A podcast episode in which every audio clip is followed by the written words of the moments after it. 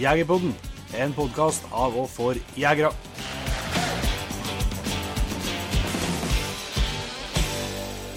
Hjertelig velkommen til en ny episode av Jegerpodden. Jeg heter Jon Petter Meldingen, og jeg sitter i lag med en nybarbert Jon Ingevik. Jo. God kveld i stuene. Det, du er betydelig mer blidspent uh, nå enn uh, enn sist jeg så deg. Ja. Ja, nei, det Det er noen grunn til det, da. Ja, Ja, ja, ja. ja. gratulerer så mye. Det Inge, meg fint. Ja, ja, det er ikke bare skjevinga jeg skal se på lufta nå, så alle hører gratulerer så mye med første helgen for en Brutus. Takk, takk. Det var veldig, veldig artig. Ja, det var, det var sinnssykt artig. Det var det. Jeg ble faktisk glad på ekte når jeg fikk SMS der det sto 'nå skal jeg barbere meg'. Jeg tror, jeg tror faktisk du har kjent litt på at det har vært litt synd på litt sånn eh, du, Nei, ikke, ikke at du har syntes synd på meg, men at du, du har følt litt på, du har følt litt på følt mine, mine følelser. Ja, ja. Jeg har jo jeg har plagdes eh, og plages jevnlig sjøl. Ja. Ja. ja, det var jækla artig. Du må fortelle hva som, hvordan det foregikk. Ja, nei, jeg, jeg har jo hatt noe slipp på nå etter at vi var ferdig med den eh, bedrøvelige første veka. Ja. Øhm, har vært med på en Jeg har blitt uh, invitert til å være med på en par sånn, statslag her og, og vært med i jakta der. Og så hadde jeg et par slipp par slipp uh, før den store dagen da, og liksom så at han han, eh, han har, har liksom lagt av seg mer det der kvalp kvalpopplegget nå. liksom uh, herjinga og springinga og bit i kvest og sånn, det har han det har lagt av seg. Og nå virker det som han jakter mer, da. Uh, Ja. Begynte å slå ut større, større søkerunder og, og greier. da, så Det begynte jo faktisk med på uh, lørdagen. Ja. Så da tok han ut Da tok han ut et eller annet. Eh, jeg trodde der og da at det var elg. Eh, han tok ut 1,5 km unna meg. Ja. Jeg trodde der og da at det var elg. Eh, det tror jeg Nå tror jeg ikke det var det. For han hang på bare en 500-metring. Og så kom han tilbake i baksporet. Og så, når han hadde han en kilometer til meg, så tok han av det baksporet og kryssa en skogsbyvei og fikk et nytt uttak. Mhm. Som sto bitte lite grann, og så, og så begynte det å rusle av gårde og gikk i sånn eh, Ja, elgen kom i rolig trav. Mm. Eh, kom ut på en skogsbøy, og så sprang han egentlig den skogsbøyen Uh, ja, 400-500 meter er fort. Aha. Og der er oppi det mer, da, så kutta Garmin-båndet ut eh, å fungere. Eh, tror Jeg tror det er GPS-enheten i Garmin-båndet som har kutta ut, så jeg må bruke bare trekkeren. da. Eh, Så så jeg at det kom rett imot meg, så jeg måtte tversette bilen. Og så sprang jeg på ei myr, eh, myr der og, og fikk, eh, fikk se elgen komme springende rett imot bilen min, ja, som sto på veien. Men det var jo det var en fjordokse, og det har vi ikke på kvota. Eh, Og det var heller ikke noe sånn ideell situasjon for hund. Altså, eh, så um, han tversnudde jo der og, og kjeppjaga hunden litt, da. Um, Ja. for Han liksom rente etter hund og slo med, slo med fotene og greier. Og så hoppa han av veien og for opp i lia en tur, og så posterte jeg på nytt igjen, og elgen kom like rolig. Uh, og kryssa veien opp med meg da òg. Hunden kom etter, og da gira jeg bare opp den og sendte den på liksom bare rosen da, med samme han passerte meg, så fikk han ferja. Da, så han, da han hang på tre kilometer etter den elgen. da. Ja. Så han slapp på elv der. Uh, og det var da jeg fant ut at det første kunne jo ikke være elg, for det Nei. Det var ikke så oppfølgelse Nei, sånn. liksom. Nei. Nei. Men Det er ikke noen grunn til at han skal henge på noen elger 200 meter, og så fem minutter etterpå så henger han på en elg 3 km. Um, så gikk det noen to dager, ja, så slapp de igjen, da. Uh, da var det, da, det Den dagen gledet jeg meg litt, da hadde jeg litt trua, for at uh, da var det bare jeg og broren min som skulle ut. Og, uh, og vi toene jakter ganske godt i lag, for vi, vi har jakta lag hele livet. Mm. Så det, vi, vi trenger liksom ikke bruke radio eller Vi har med oss radio, men vi bruker dem aldri. Vi er såpass samstemt uh, i jakta og når vi flytter oss og sånn, og når det er los og sånn, så vi kjenner hverandre så godt at vi vet hva vi gjør. Mm. Og det medfører jo til at det blir mye mindre bråk i terrenget, og, og sjansen for å finne elg som, er, som ikke var noen ting, da. Mm. Uh, og slapp den da. og ja, rota litt i starten, men så etter hvert så dro vi den ut og fikk et uttak 650 meter unna. Uh, sprang av gårde 500 meter, og så ble det stopp. Han flytta seg liksom ikke mer, men han losa ikke. Nei. Så tenkte han hva faen uh, Hva er dette nå? og så plutselig så begynte han å skjelle noen sånne småturer. Uh, men det var ikke noe sånn grumlos, det var litt sånn betenkt. Så han var, virka til å være litt forsiktig og skeptisk. Om det er liksom den der eh, fjordoksen som hang i at han kjeppjaga Men i hvert fall så var det bare noen få boff. Uh, jeg tror ikke at det var at han har skjønt hva han skal gjøre for å få ham til å stå i ro. Jeg tror det var mer at han var litt skeptisk. Ja. Uh, men så øka bare på. Jeg fikk stå i ro en hæltime oppi der. Og, og, det ble bare mer og mer los i minuttet. Antall boff. Og ja, etter en time så var det jo, var det jo veldig artig. Jeg det var Jeg skjønte jo egentlig ikke hva som foregikk, for det var liksom Jeg hadde ikke forventa i det hele tatt. Sånn skal det ikke være. Nei, for det er jo første, første stålåsen som har stått etter ja, så å si uttaket mm. um, i år. Og at det var liksom den yngste og yngste hund som skulle få det til. Men i hvert fall så gikk jeg los. Uh, da vi var innpå en par turer, både av brorsan på hver sin kant, uh, uten å få noe klem på det. Jeg registrerte at det var ku med kalv, uh, uten å få noe klem på det. Og så um, var jævla kjett og null vindtrekk. Og vi støkte alle, hardstøkte alle, så det gikk i ganglos. Uh, men som sider da, så gikk opp toppen av Nås der, og, og jeg var kommet inn på. og og øh, var på, inne på 180 meter, men da kjente jeg at øh, jeg kommer ikke nærmere uten å, uten å få uten å støkke. Ja. Og da hadde jeg liksom ja, 200 meter med myr framom meg, og de, de, var jo på tur dit, men det roa seg jo så hjertelig opp her, så de sto jo en time der i los. Men så ja, Brorsan kom etter uh, og, og nærma seg litt, men så, så, begynte jeg liksom å flytte seg litt igjen. og De rusla rolig. så De beveget seg kanskje 80 meter, da, og det var nok til at jeg, mens de beveget seg, så flytta jeg meg litt. og Endelig da, så kom de opp på kanten, så jeg fikk se dem. og Både kua og kalven sto med ræva til. Og hun var jo, han var jo veldig blid. Uh, så omsider så snudde kalven seg til, så jeg fikk en klem på den i bogen. Ja. Yes. Og det var dæven, da var jeg glad, ja. jeg ble, jeg ble, så Først så ble jeg så glad for at det var hund, og så ble jeg Fy faen, det var godt å skjøte elg igjen. Så da Kalven sto der ennå. Den ville liksom ikke dette. Så da tok jeg en smell til på den. det tok litt langt bak, da. Men han ble liggende. Nei, det var fy faen. Det var en god følelse. Det er sånn, og så er det sånn når det liksom det er for å det er jo mest for hund sin del. Det er sånn det er ikke nøye vet du, om det, det kunne vært en kalv på 20 kg, eller om det, kunne, om det var en 18-spirer. Liksom, det, nei, det er det, sinnssykt artig. Ja, ja, det er så kick, vet du. Ja. Så um, Nei, det var Nå er det nå er det, nå gleder jeg meg bare til å slippe den igjen i moro. Ja. Det skjønner jeg veldig godt. Jeg skal følge med på trekkeren. Ja, det må du.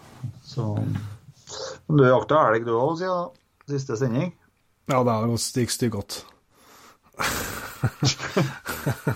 jeg nevnte kanskje det på at jeg kanskje kom til å få justert sjøltilliten litt igjen når vi kom til fjell, så det, det, det stemte bra, det. Så, slo inn? Ja, slo inn. Nei, det var vel Det ble fin, fin helg mye, med mye fine turer. Men uh,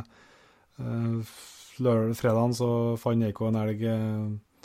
Uh, det Jeg tror han var med i ca.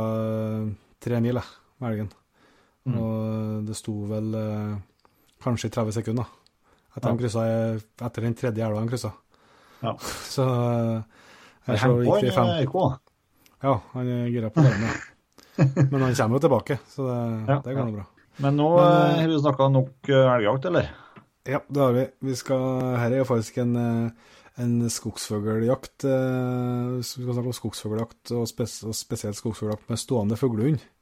Ja. Vi har fått med oss en veldig trivelig kar som heter for Ronny Pettersen. Mm. Som kanskje, i hvert fall for oss, er kjent gjennom at han har vært med på noen, noen av filmene til Klausen for noen år tilbake. så viste seg det til å være en meget habil skogsfugljeger. Mm. Uh, og uh, Setter ikke noe dårligere inntrykk nå?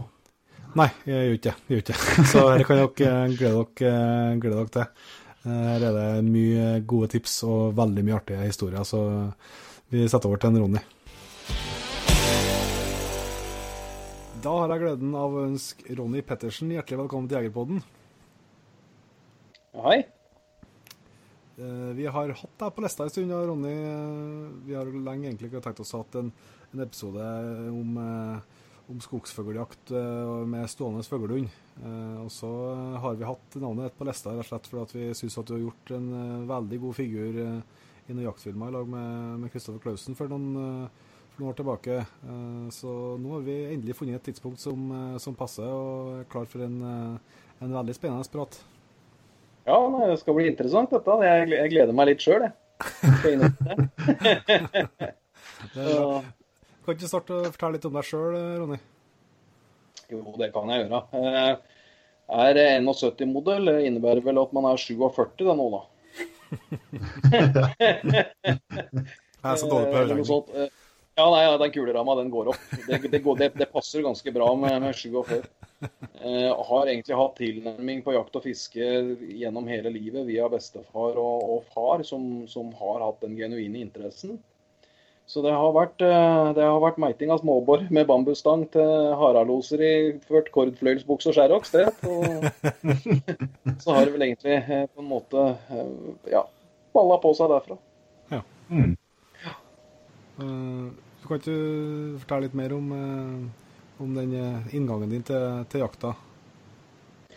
Jo, altså du kan si at eh, jaktinteressene ble jo, som jeg sier, de, de ble, de ble sådd som et, som et frø eh, i forbindelse med harejakt og med, med, støver. For det var jo en person som, som på en måte gikk i, eh, gikk i generasjon og arv. da. Mm. Det sto jo harabikkjer omtrent i ja, jeg vil si, i hvert fall hvert fjerde hus oppover opp gjennom her. sånn, så og Det knakla jo i haraloser hver eneste helg, så, så, så harajakt det måtte man være en del av. Og det var man, det var man jo fra tidlig alder. Så, vi, så jeg, var med, jeg var nok med så tidlig at jeg, jeg var nok med så tidlig at det var en diskusjon rundt, rundt det at guttungen skulle opp så tidlig om morgenen i helgene. Ja. Ja. det, var, det var tilnærminga. Eh, haraloser, harajakt. harejakt. Eh, fra å få lov til å sitte på fanget mens det smalt, til man fikk nesten sitte på fanget og skyte sjøl. Mm.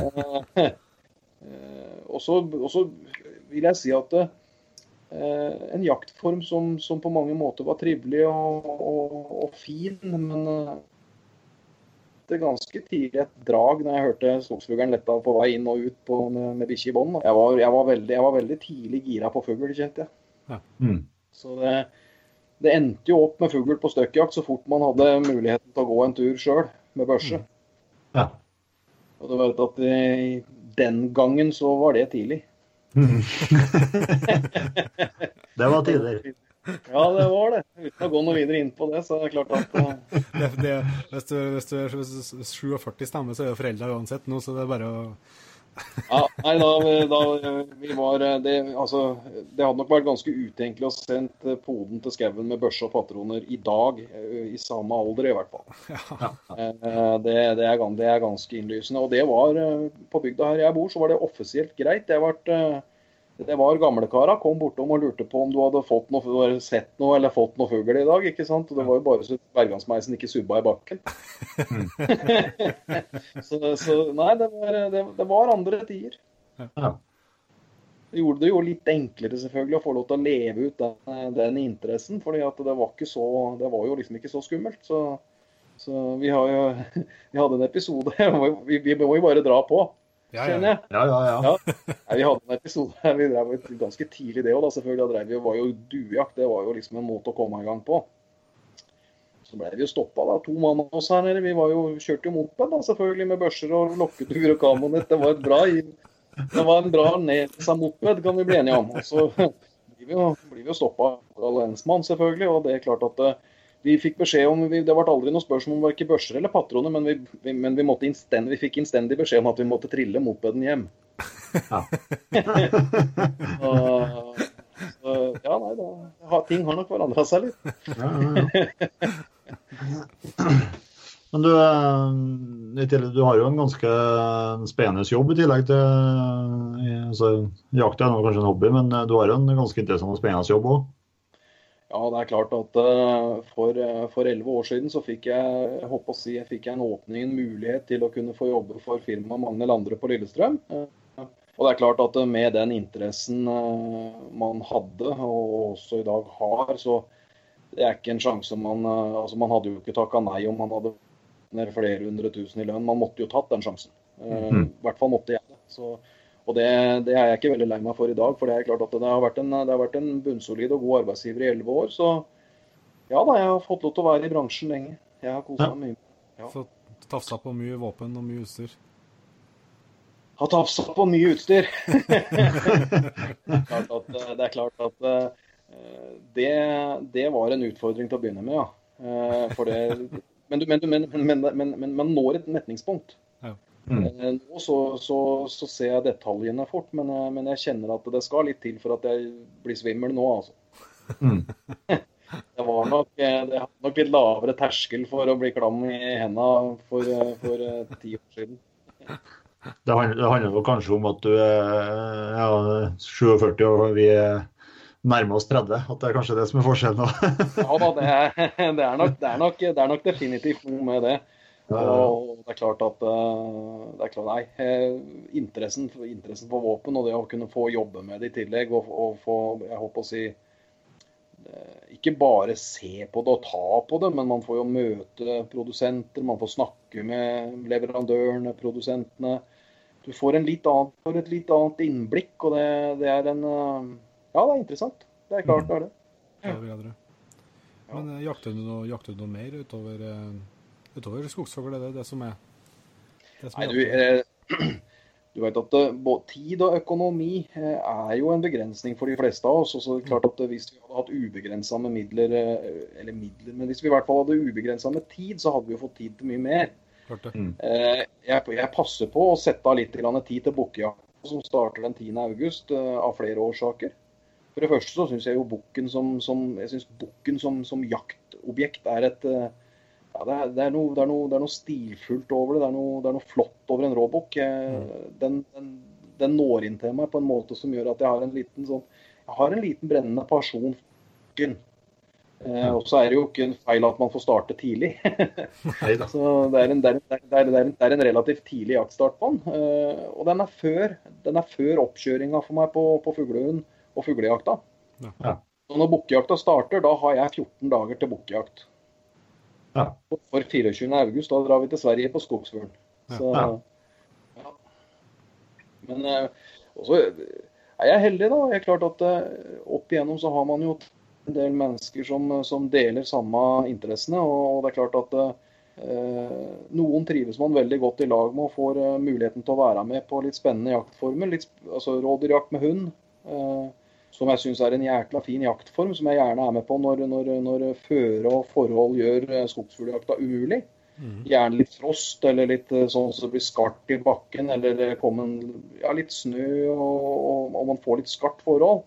Så, så jeg gjerne ja til å være med og jakte litt rådyr. Og det bl.a. med Steinar, da, selvfølgelig, som, som, som, er såpass kameratslig at han ringer og sier ifra at du Pettersen, nå må du Har du lyst nå, så har du lov. Da, er veien over skogen kort. Ja, ja, ja. Han er det. Så, så rådyrjakt er eh, bukkejakta, og også rådyrjakta kan du si seinere på. De, de turene man får tid til, muligheten til, de, de, tar jeg med meg. For det, det, det, det setter jeg litt pris på. Jeg syns jeg er fine jaktformer og gjerne, gjerne trivelig lag òg. Mm. Eh, så klart at eh, jeg har hatt mulighet, jeg har liksom hatt gleden av å være med. Jeg har, jeg har fått jakta hjort. Eh, Påsteringsjakt. Eh, så kan man si at det er veldig kjedelig, men jeg fant en sjarm i det òg. Jeg syns det var en jaktform som jeg husker veldig godt. Husker veldig godt opplevelsene rundt det med måneskinn og, og, og, noe som mange ser ned på som bøjakt, kan du si. Men, men jeg har ikke så mye erfaring med det, og, har fått, men har fått opplevd det. Og det er, sånn, det er, også et minne som sitter veldig høyt eh, for meg. Ja. Så jeg har prøvd, prøvd, noen jakter. Jeg er ikke noe, jeg er ikke noe veldig bereist. Har jakta veldig lite utenlands. Jeg syns vi har så ufattelig mye fin jakt som jeg foreløpig har uprøvd i Norge. Så for meg ennå så, så, lever jeg litt kjedelig på akkurat den biten. Fordi at uh, jeg, finner, jeg, finner, uh, jeg finner, jaktformer her hjemme som, som jeg har uprøvd ennå, og ønsker heller å oppsøke de. Ja. ja så, og det er mye ugjort. Veldig mye ugjort. Det er jo en fin gjennomgang. det Eh, også på hundene, da. Jeg vet jo, du, du, du skal jo for, eh, Vi skal jo kose oss nå med litt skikkelig skogsfugljaktprat eh, med stående hund her. Så du, har du én hund nå, eller? Du, nå har jeg én hund. Ehm, jeg har tidvis hatt to, og jeg ser det er nok det ideelle, kanskje også flere. Det er nok ideelt hvis du jakter veldig mye og jakter hardt. Eh, før så jakta jeg hardere fordi at jeg kunne bruke hverdagene eh, og nærmiljøet eh, mye hyppigere og, og, mye mer uten å måtte tenke meg for mye om. da. Mm.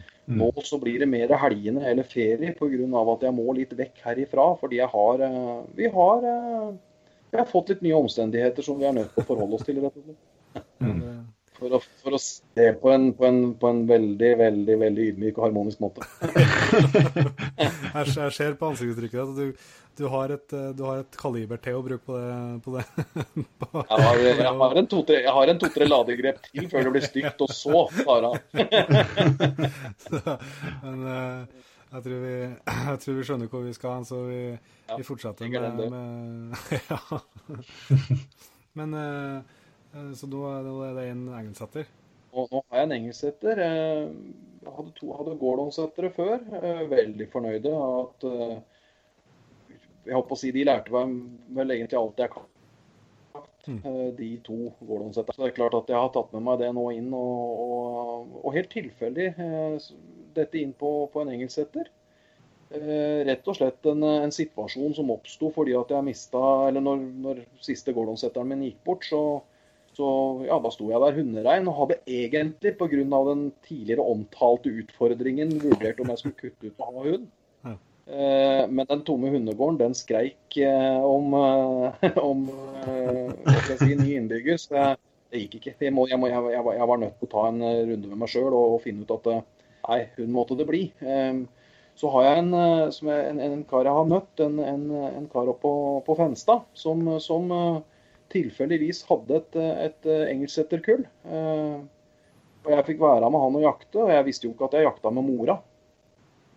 Så, så, jeg fikk være med og jakte med en engelsksetter, for han skulle på en måte overtale meg, ikke overtale, men, men, men, men vise hva en engelsksetter gjorde, og hvordan de jakta. da.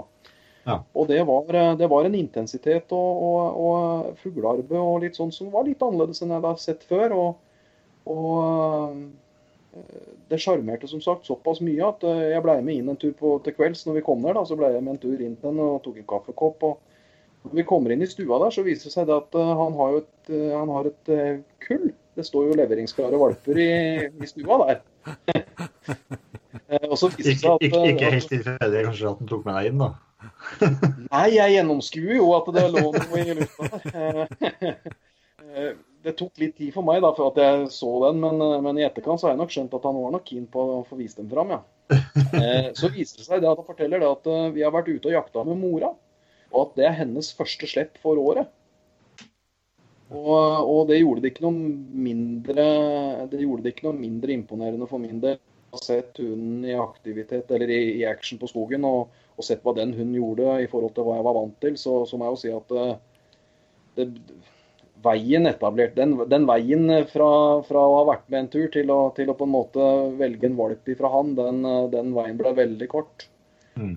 Og Det er klart at det gjorde, jo, det gjorde det jo ikke noe vanskeligere, selvfølgelig. For det er klart at det, med den interessen man har, så, så, så, klarer du ikke å la et valpekull stå, stå inni et altså For de hadde jo laga nærmest en burløsning, stort område, fem-seks kvadratmeter, eh, som disse valpa var i da.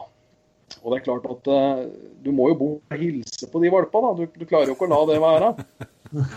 Der er det, der er det jo valper av alle typer, både store og små, og mørke og lyse. Og, og, og, midt oppi der da, så sitter det litt sånn lett tilbaketrukket, så sitter det en sånn tung liten biser oppi et hjørne, da, selvfølgelig med helt svart hue og glana på meg, som om jeg skulle vært det største dusten han har sett i hele sitt liv.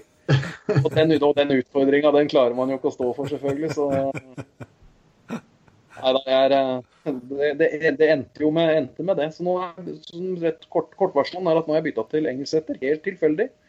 Uh, vanskelig å sette det opp mot hverandre, men, eh, men jeg, hadde, jeg, bytte, jeg, hadde, ikke bytta noe, nei. Jeg er veldig, veldig, veldig fornøyd. Er han gammel ennå? Nei, du, Han er født Han, han hadde toårsdagen sin 1.9. Da var han to ja. år. Ja. Så, så, han har jakta Vi har to det er, det er, liksom andre sesongen vi er på en måte i nå. Ja. ja. Og da nevnte du før sending her at var, dere hadde nettopp hatt jubileum? Ja, det stemmer. Vi har, vi har vært en kameratgjeng. Jeg er heldig å få, og får jakte. Altså, eh, fiskekameraten min gjennom all tid. Jeg holdt på, ikke all tid, det blir feil å si, men fiskekompisen min gjennom lang tid. Eh, fikk plutselig fot for at han skulle begynne å jakte fugl. Så han endte, jeg var jo ikke snauere med at han endte faktisk opp med å hente valp før meg fra samme kullet. Så vi har, hver, altså vi har brødre fra samme kullet. Ja. Og vi jakter sammen. Så det er moro å se den, den utviklinga på de to hundene. For de har en veldig, en veldig lik progresjon. Eh, følger hverandre veldig godt. Og, og uh, i den forbindelsen så, så har vi jo jakta mye sammen. da. Så vi har vært av gårde en tur nå, da. ikke sant? Og, og vi, hele forrige uke så, så, var vi litt langt nord i Sverige og prøvde oss på, prøvde oss på litt kjip skogsfugl. Fordi vi traff innertier på lauvfall og, og, og, mye vind, så da er fuglen som kjent vanskelig. Mm. Så vi hadde ikke noe magisk føre. Vi hadde ikke det. Vi, vi hadde ikke det til oss bra med fugl. Men, men, men siste, siste, jaktdagen så var vi kar om til å få skutt i to tiurer, og da hadde vi nummer ni og ti i høst. Ja. Den, og den, tiende, og den tiende tiuren for han i høst, den, det, var en, det var en voksen en. Så det var, et, det var jo et hyggelig jubileum, det. Rett og slett. Det er ti tiurer, det er, det er et jaktliv for mange jegere. Ja da. Eh, ja, eh, nå ja da, for, for, de, for, de, fleste så er det nok det. Eh, og, men jeg, jeg, ser jo, jeg, ser jo, jeg jakter jo i lag med flere av disse gutta sentralt på Østlandet her nede. Så er det klart at uh, det er nok, jeg har nok en lang vei igjen jeg, til at jeg når de, når de som har, uh, som har uh, flest tiurfellinger til, til midt på langstøvelskafta. Ja. Mm. det, er, så det er, det er mange som har det er, mange som har Det er mange som har mer og, og bedre jakter enn det jeg har. Eh, absolutt. Men uh, det viktigste er at vi er fornøyd sjøl, rett og slett.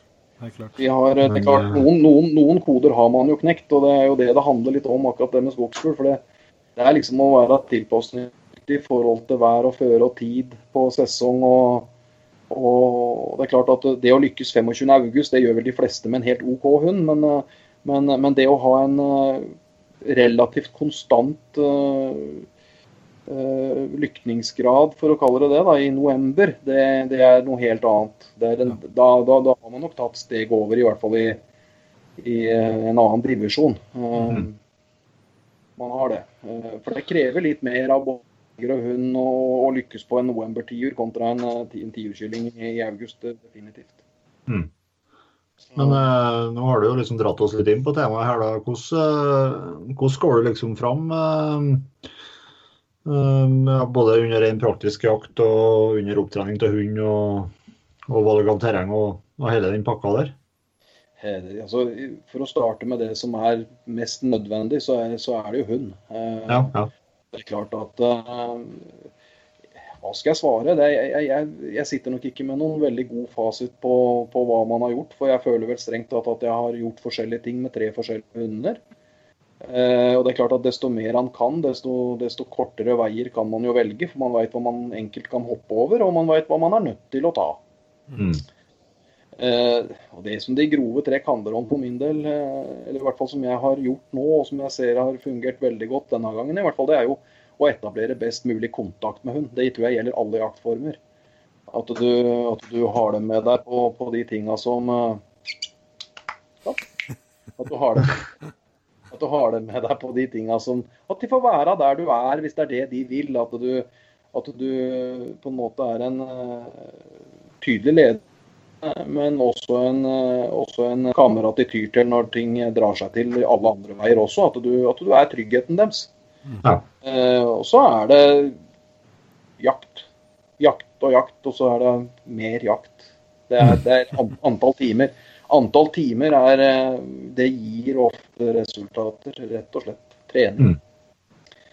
Jeg er, så, er, nok så, er nok ikke så konstant og hard på dressur som, som mange hevder og, og mener at fuglehund fordrer. da.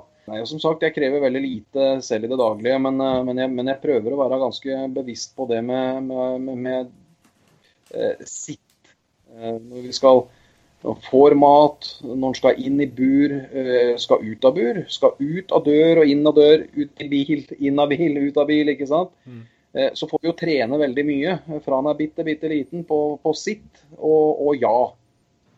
Eh, Sitt betyr sitt, og ja betyr fritt. At da, da er det greit. Mm. og Det bruker jeg konsekvent hele veien, og på den måten så får jeg i hvert fall et veldig tydelig ja. Der kommer reisen. Det er en del av reisen, en del av reistreninga mi, faktisk. Ja. Eh, og la de altså sette eh, hund, dekke hund, forvente at hun blir der hvor jeg får beskjed om å være. Og når ja kommer, at han da kan få Det er fristillinga til å gjøre det han har lyst til. Mm. Eh, Og det er noe som, eh, som jeg har hatt eh, Ja, jeg har gjort med hundene mine hele veien, og det har fungert veldig godt. Sitter igjen med følelsen av at jeg i hvert fall har eh, hunder som reiser godt. Eh, Mm. Og så bruker jeg lite, i og med at jeg ikke går konkurranser eller, eller går, eh, går prøver, så, så, så har jeg jo en, eh, jeg en eh, Hva skal jeg si en, eh, en Jeg har ikke noe jeg, jeg, jeg, driver veldig lite med ro i oppflukt og, og driver med den dressurformen. Og det er jo den som på en måte er krevende. Det er den som skiller klinten fra hveten. Både i, ja, i forhold til dressører og, og hunders egenskaper i mottak på dressur og hele biten. Men også der kanskje flest jakthunder ødelegges i reis. Så, Mm. så jeg tør ikke. Jeg er ikke god på dressur, så jeg tør faktisk ikke å jobbe hardt nok med, med ro i oppflukt. Det tør jeg. Det, den sjansen tar jeg ikke. Mm. Jeg lar det gå etter, jeg, for vi har hatt en stand og vi har reist fugl og vi har fått eh, ja, kanskje til og med fått skutt hos en fugl, så, så er det ikke så farlig om jeg, om jeg ikke nødvendigvis har flere stander på samme kull. eh, Nei, det er ikke så farlig. Vi, vi, vi, det skal være litt det, Noe skal jo gå galt òg, er av sjelden. Men rapporten har du inn på Rapporten har vi ikke, det er jeg ikke helt ferdig med her ennå. På han her så, så, så lar jeg dem gjerne jakte et par år før jeg, før jeg, ja, jeg Da benytter jeg rett og slett å sette tvangsrapport. Uh, så jeg er trygg og sikker på at det fungerer. Jeg lar det jakte en par år jeg, og få gleden av det. Og så, og så tar vi tvangsrapporten opp til tredje sesongen. Mm. Så igjen kanskje litt seint, men, eh, men eh, jeg vil at de skal ha mest mulig glede av det å kunne jakte. Altså, for de er det å jage, altså stå, finne fugl, stå for fugl, få reise fugl og jage fugl. ikke sant? Og så, og så tar vi La lar vi de gjøre, la, la dem gjøre det nok til at de syns dette blir skikkelig moro. Og så tar Mm. vi noen av de derre kall det ikke fullt så artige tinga, da. Mm. Etter hvert. Men du vet, eh, når jeg er inne på hundefronten, er det et spørsmål eh, som jeg beter meg merke til. Det er jo, eh, det er jo de gangene når man ser på filmene at du, at du avstandsreiser. Du plystrer på hund for å få den til å reise før du blir rett imot deg. Hadde, Det er jo temmelig, det er jo temmelig rå situasjoner, ser det ut som. Ja, jeg hadde, det var jo varemerket til første gårdomsetteren min. Uh, han, var, han var i egen klasse på det, eh, av de jeg har opplevd. Så Han, han eh, Det var Det er klart at det, nå er det jo sånn at det, det, er grådig klønete å innrømme det jeg har tenkt å si nå, men, eh, men, eh, men, eh, men eh, det er ikke noe vitenskapelig eh, Jeg har ikke trykka på noen vitenskapelige knapper som ingen andre har sett. Det, det er bare at jeg utnytta hundens svakhet. Ja. Eh, Jeg hadde, når, det, når jeg fikk han, så, så, så var det sånn at jeg var helt ny, jeg var helt fersk. Jeg kunne ty til oppdretter, som også er en profil i fuglehundmiljøet. Eh, En som heter Thomas Dahl, som, eh, som kanskje de fleste har en tilnærming på når det gjelder På skuddhold og På skuddhold igjen-filmene. Ja, ja. Thomas Dahl var oppdretter på første gårdhansetteren min, og det er klart at jeg fikk mye hjelp av Thomas til å, til å på en måte komme i gang med hund. Mm. Hun Da jakta mye på støkk, men, eh, men ville jo ha en ny dimensjon til jakta. Da var jo hun nærmeste, nærmeste løsning. Eh, eh, og fikk jo masse god hjelp av, av Thomas, men jeg var jo jækla nysgjerrig på en kar nede i Drammen, da, en som het Knut Helgesen. Som, eh, som hadde en hund som, som fremsto som ei stjerne på himmelen, eh, Theo. Som eh, hadde jo flere norgesmesterskap på, på skog med ærespriser og sånne ting. Og, og en av hovedårsakene til at den selvfølgelig gjorde det så bra, det var jo at den hun rapporterte. Mm. Ra rapport, det var jo et begrep, ikke sant. Og, og jeg kontakta Knut eh, direkte. Fant den på telefonkatalogen og ringte til Knut Helgesen og presenterte meg som han lille guttungen, holdt jeg på å si, eller han eh, unge ferske da, fra andre enden av byen. Eh, og spurte rett ut hva jeg kunne gjøre for å klare å få fram de egenskapene. Og tipsa han Knut på det. Han svarte som den hedersmann han var. Eh, nå er han jo borte, dessverre. Eh, og, vi, eh, og han tipsa meg litt om at jeg gjerne skulle, altså hvordan jeg skulle løse det. Om jeg gjorde det riktig eller gærent, det vet jeg ikke, men i hvert fall så gikk jeg inn i stand sånn som jeg mente han jeg hadde fått beskjed om, og, og konstaterte at hun sto for fugl og trakk rolig unna, men jeg hadde syn så Jeg, så hun, og kalte den inn på plystring eller fløyte. da Den gangen brukte jeg fløyte. Og hver jækla gang jeg gjorde det, så reiste den jo fuglen først og kom. Ja, ja. Poenget var jo at han da skulle Poenget var jo da eh, at han skulle ha kommet av stand til meg, og så skulle jeg bli med han inn i standen igjen. Mm. Men han reiste jo fuglen. Så fort jeg blåste i fløyta, så reiste han fuglen, og så kom han blid som ei lerke, da. Og det hadde vi en par medarbeidersamtaler om, og prøvde igjen, selvfølgelig. og, og, og, og resultatet var helt likt. Og han gjorde det notorisk. Altså det vil si at når jeg kalte inn han på fløyte, så reiste han fuglen og kom. Ja. Og da har man jo en mulighet. Da. Det, OK, da fikk vi ikke noe rapportør, men jeg kunne jo utnytte det til noe Jeg kunne jo utnytte det. Så jeg, jeg valgte å kalle det avstandsreis, men kalle det en kontrollert tjuvreis, da. Så det var, det var rett og slett eh, Det blei hundens styrke, men, eh, men det starta jo selvfølgelig som en eh, Blant hundefolket så vil jo det der vært Det er jo en tjuvreis, og, og, og det var nok ikke noe Det var nok ikke noe Det var ikke noe hedersmateriale, men, men, men som, med hans varemerke i akkurat det, for han sto pal. altså Han reiste ikke fugl hvis han ikke fikk beskjed om det. Men når jeg, når jeg plystra, eller ga signal om at jeg skulle ja, brukte fløyta eller plystretone, da reiste han fuglen notorisk, da var, og da var, da var det dønn på. Så det var jo bare å posisjonere seg og der hvor du mente fuglen hadde en, der hvor du hadde en sjanse til å få fuglen på deg. da, Hvis det var for tett å gå inn, eller det er for bratt til å ta sjansen, eller osv. Eh, og så var han trygg i stand, som gjorde at hvis, jeg, hvis han tok stander godt nede i lia Jeg står høyt ovenfor, og det å komme ovenfra og ned, det er, det er ikke noe enkelt. Så kunne jeg jo bruke halve dagen på å gå rundt og komme meg nedenifra og posisjonere meg nede før jeg ba han reise. Og så sto jeg jo gjerne ofte der hvor Ja, hadde vi jo etter hvert utvikla oss sånn at jeg sto ofte riktig òg, da. Mm. Da ble det, det Det var en farlig kombinasjon. altså Han var, han var giftig på Ja, vi har fine situasjoner, men gud hjelpes. Mm. Rett og slett.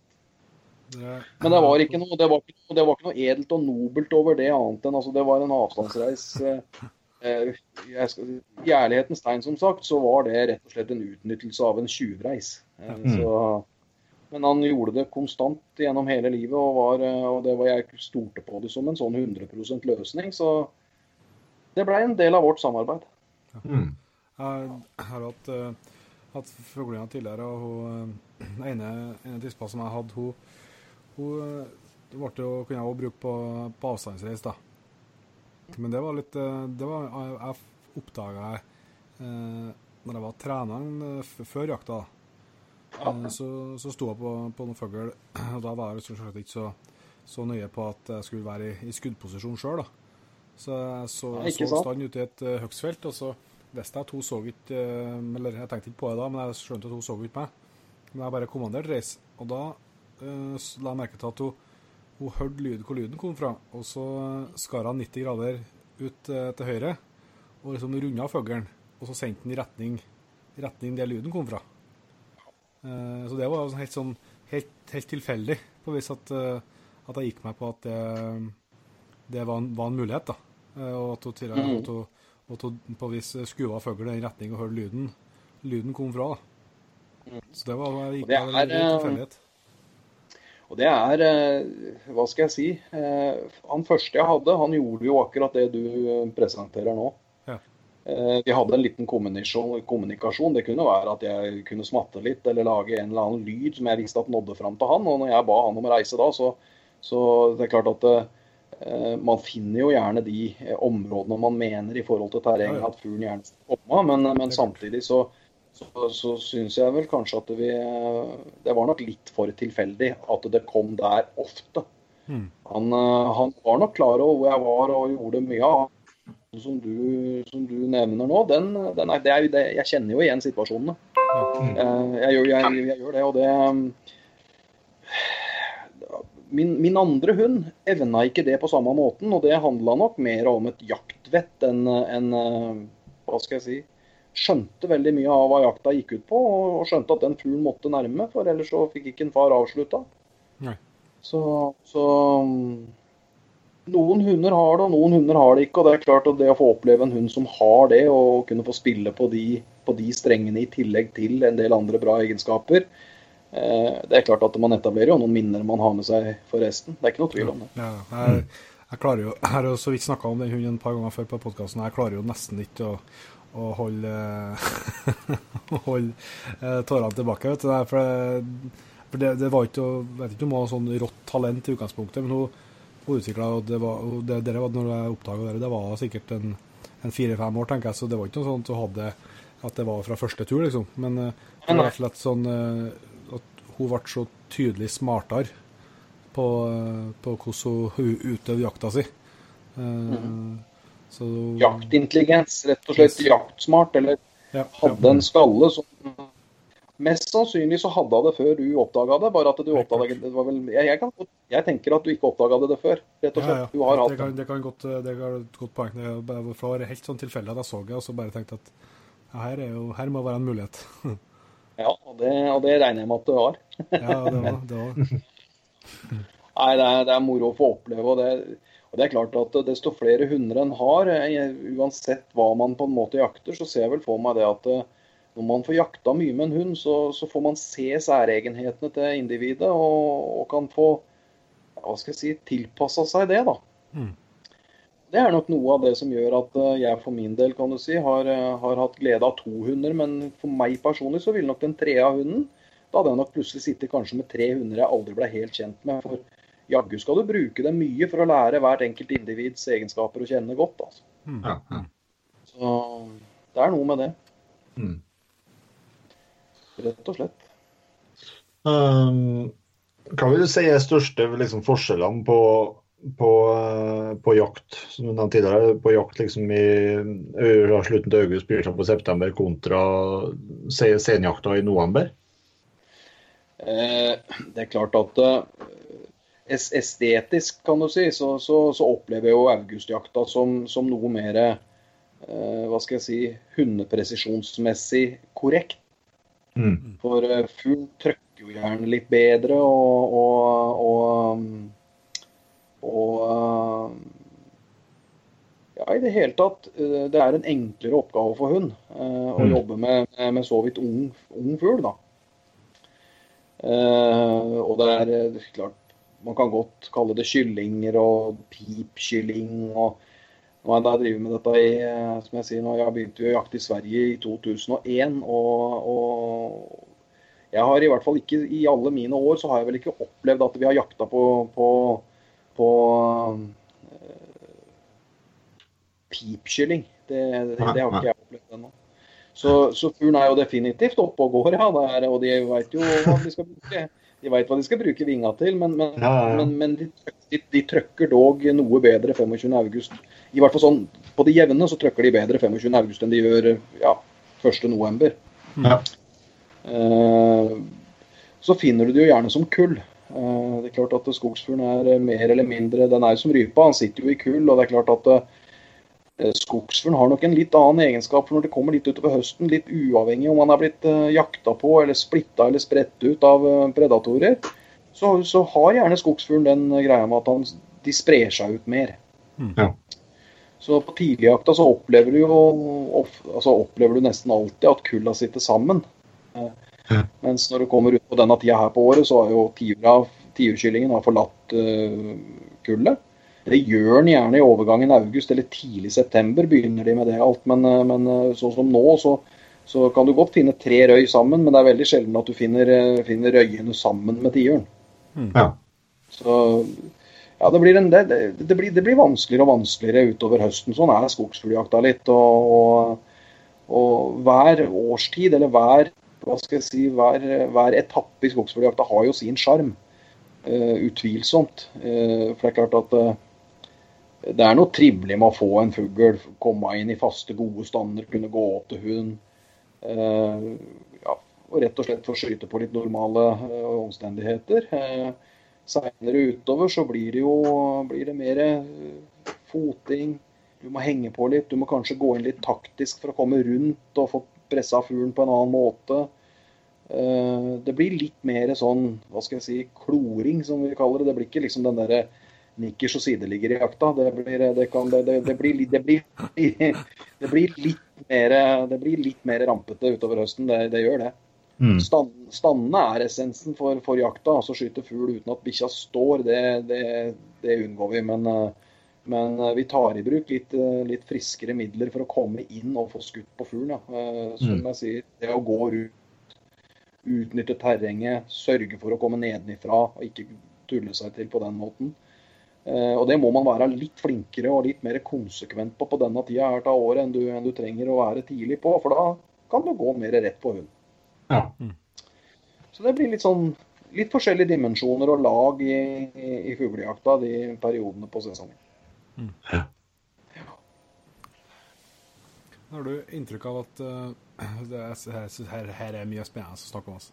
Uh, har du inntrykk av at uh, at tiuren opptrer på, på, en annen måte enn en røy og orrfugl? Liksom, både for hundene, at de kanskje er mer til å, få fot, som du sier, og springe. Og, men at de utnytter terrenget på en måte enn en øvrig liksom, skogsfugl.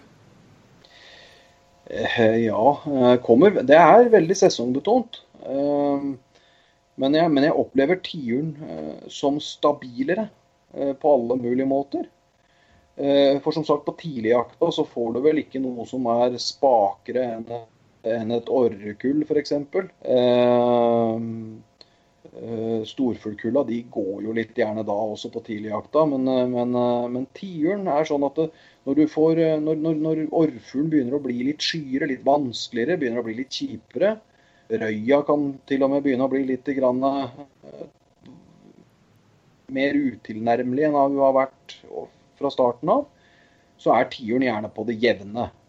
Han er like mm. vanskelig han er, han er kanskje kjipest tidlig på av alle fugla, men han, men han, blir ikke noe kjipere gjennom sesongen. Altså, en, kommer du på en, kommer du på en tiur i november, så kan du jo oppleve at det faktisk er den ene kontakten på tiur i løpet av dagen som gir deg den eneste skuddsjansen du får. Ja. Mm. Uh, så jeg Når vi kommer liksom litt ut på sesongen og orrfuglen begynner å på en måte Orrhanene flokker seg, og orrhønene kanskje er de eneste som trykker godt. Eh, røya begynner å bli litt vrang og sitter gjerne i skogsbiotoper som de er vanskelig å komme inn på. Eh, så, så, slutter jeg å jakte eh, egentlig alt annet. Da, da, oppsøker jeg biotopene som, som, jeg forventer å finne tiur i, og så jakter jeg etter den, og så får alt annet være bonusfugl. Rett og slett. Da, Og hvilke biotoper er det? GPS-koordinatene får dere aldri. Nei, Nei. nei, du, nei. Eh, nei, altså eh, Tidlig på sesongen så oppsøker jeg våte områder. eh, Våtmark, rett og slett. Det er noe som kull og kyllinger er nødt til å ha, er mat og drikke. Og, og drikke er nok vel så vesentlig som mattilgang. Eh, Ja. Og når, og når spesielt storfuglen ganske tidlig eh, slår fra seg den type biotop, så trekker de gjerne ut i, i eh, ungfuru. Eh, Hogstflatekanter med tilgang på bær.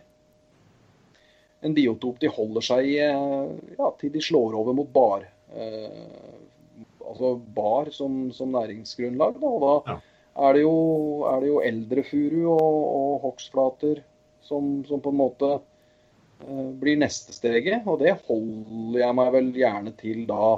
Kombinere litt i, i, det, i den type biotop da i resten av sesongen. Ja. Gjerne er eldre furuskog, isbed, gran f.eks., så du får den derre hva skal jeg si, gammalskogfølelsen. Eh, Mm. Men ikke for gammel skog, sånn som man gjerne ser det for seg. Men, eh, men det kan gjerne være ung, litt yngre. Ikke, ikke, det, det må ikke være den der store, tunge gammalskogen. Det kan gjerne være litt yngre skog, men, men gjerne med blandingsskog mellom furu og gran. Det, det slår aldri feil. Nei. Så og det går egentlig høsten igjennom, syns jeg. Så oppsøker man eh, Skal man jakte om man jakter tiur i slutten av oktober eller, eller i begynnelsen av oktober, eller om man jakter i slutten av november, så, så ender jeg liksom alltid opp i blandingsskog med hogstflatekanter og myrkanter. altså Sånne småmyrer eh, iblanda i som ligger liksom i Ikke de store myrene som det gjerne er orrespell og sånn på, men, men disse småmyrene som kanskje bare er en 50-100 kvadratmeter, som ligger liksom inni gjennom eh, skogsbiotopen, kan du si generelt. Det, Ja, ja. Finne, en, finne, finne en blandingsskog med, med sånne type tillegg, det er ofte veldig, veldig interessante områder. Mm. Rett og slett. Kjenner meg, jeg husker den eh, som før i tida når han var, når han var tenåring og var med liksom farsene på jakt og sånn. og på den, på den tida så jakta man jo elg bare ut oktober. Så da hadde han jo liksom tida til skogsfugljakt i november og, og greier. og mm. Jeg husker liksom begrepet han kom med liksom, eh, liksom eh, Fuglehund søkte gjennom, og så kom vi liksom til til ja, liksom god, god gammeldags blandingsskog med stor furu og en del mindre gran. Og, og ja, til dels, til dels uh, godt vokste gran. Men da husker jeg liksom han, han kikka, kikka bak på meg og så sa han eh, nå, nå er vi inne i tiurskogen. Ja. Det var liksom eh, det, det var nok ikke tilfellet det. Han hadde nok Nei, nei, greie på hva han Det var liksom, jeg husker jeg godt det, det tenker jeg over hele tida når jeg- hver gang ut i skogen. liksom Når man kommer inn i en sånn rett biotop at eh, her, er, her er det fint å være en stor, svart fugl. Men altså, det er, klart at, eh, det er klart at når man har brukt hele dager da, på å perforert områder med, med den rette skogen, så, Ja. og, ikke no, og ikke har funnet noe, så kan man nærmest i frustrasjon bare finne ut at nei, nå går jeg rett over hogstflata, så skal jeg ned til bilen. Og så har man Mm. liksom plutselig tre situasjoner midt ute på hogstflate med tiurer. Da sitter de der ute, så han blir jo aldri helt klok på dette heller. Men, eh, men på det jevne så, så er, så er eh, mellomgammal blandingsskog er et stikkord i, i, i. Så Det, det må være med i beskrivelsen, i hvert fall. Mm. Rett og slett. Se på, på hundene igjen, Ronny. Eh, jeg synes nok den eh, hun som, som, er, som, som lærte meg det, det jeg kan om skogsfugljakt, så, så hun var jo jækla artig på det viset at eh, i hvert fall utover fra hun var en, eh, si en seks-sju år utover, så du kunne jo se på hun eh, på standen hennes om det var tiur eller om det var annen fugl. Eh, Ja. Hun var liksom eh, Og det jeg, jeg, jeg skjønner jo, jeg skjønner jo hun veldig godt, for det er klart at etter, å har vært med på en del fuglefall, så, så hadde jeg jo sett at reaksjonen var en viss, det var en viss forskjell på reaksjonen om det var, om det var tiur eller om det var orrhøn. Mm. og både, både, når det datt og når det ikke datt. Ja. så jeg skjønner jo at du lærte det. Har du, noe, har du noen lignende erfaringer, du? Eh, Førstehunden min, som, det er jo referansehunden min, det, det, er ikke noe tvil om det. Eh, det er jo han som på en måte Det er nok han som var den skarpeste, og per i dag har vært den skarpeste jeg har hatt. Eh, han hadde et sånt varemerke, og det var at når han sto, og halen var, bare sto rett ut fra kroppen, men sto rolig, altså hele dyret sto strøkent på en måte, mm. så var det Da var ikke tiur involvert. Nei.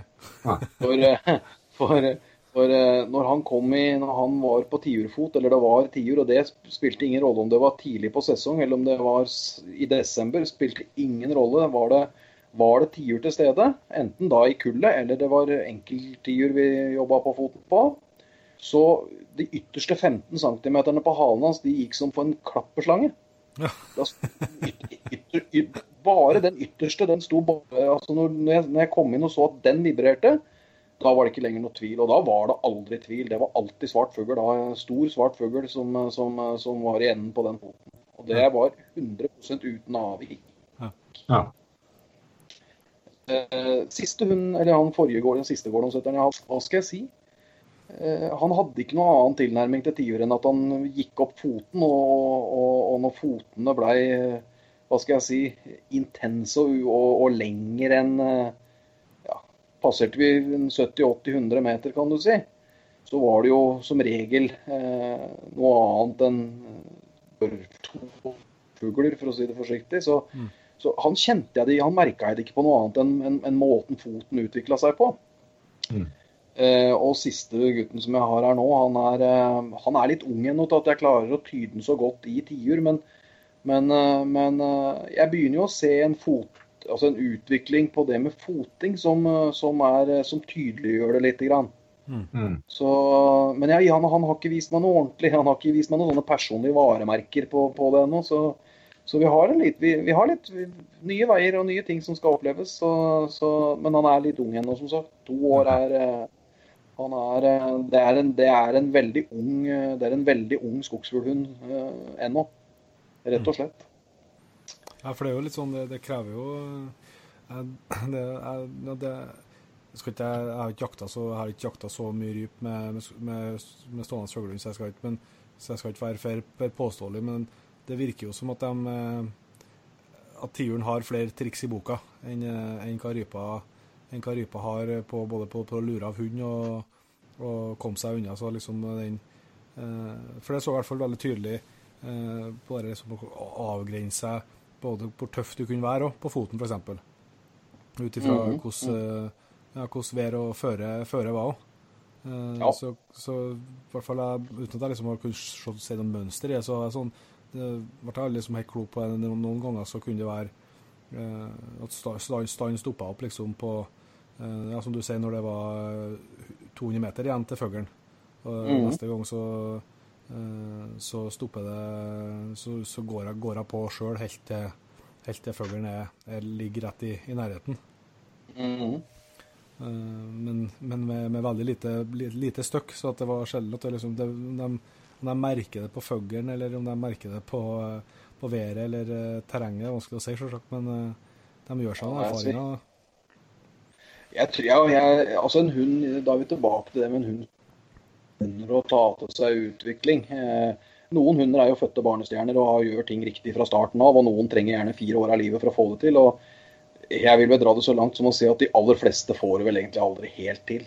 Mm. For det er, nok, det er, nok, en liten bit mellom gode skogsfuglhunder. Altså, det er mange gode, mye gode hunder. Utvilsomt. Og, men, men, men, det er ikke alle forunt å få oppleve en god skogsfuglhund. Mange, mange, har prøvd, og, og, og, mange har lykkes, men jaggu er det flere av de som ikke får det til. Altså.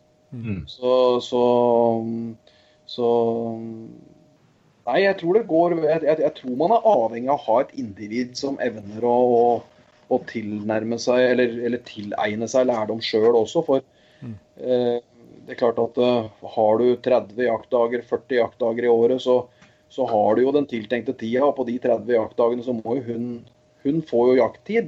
Mm. Og den må jo brukes til å lære noe. Du får jo ikke, du, du, du, du får jo ikke gått inn og skifta minnebrikke her, det må de gjøre sjøl.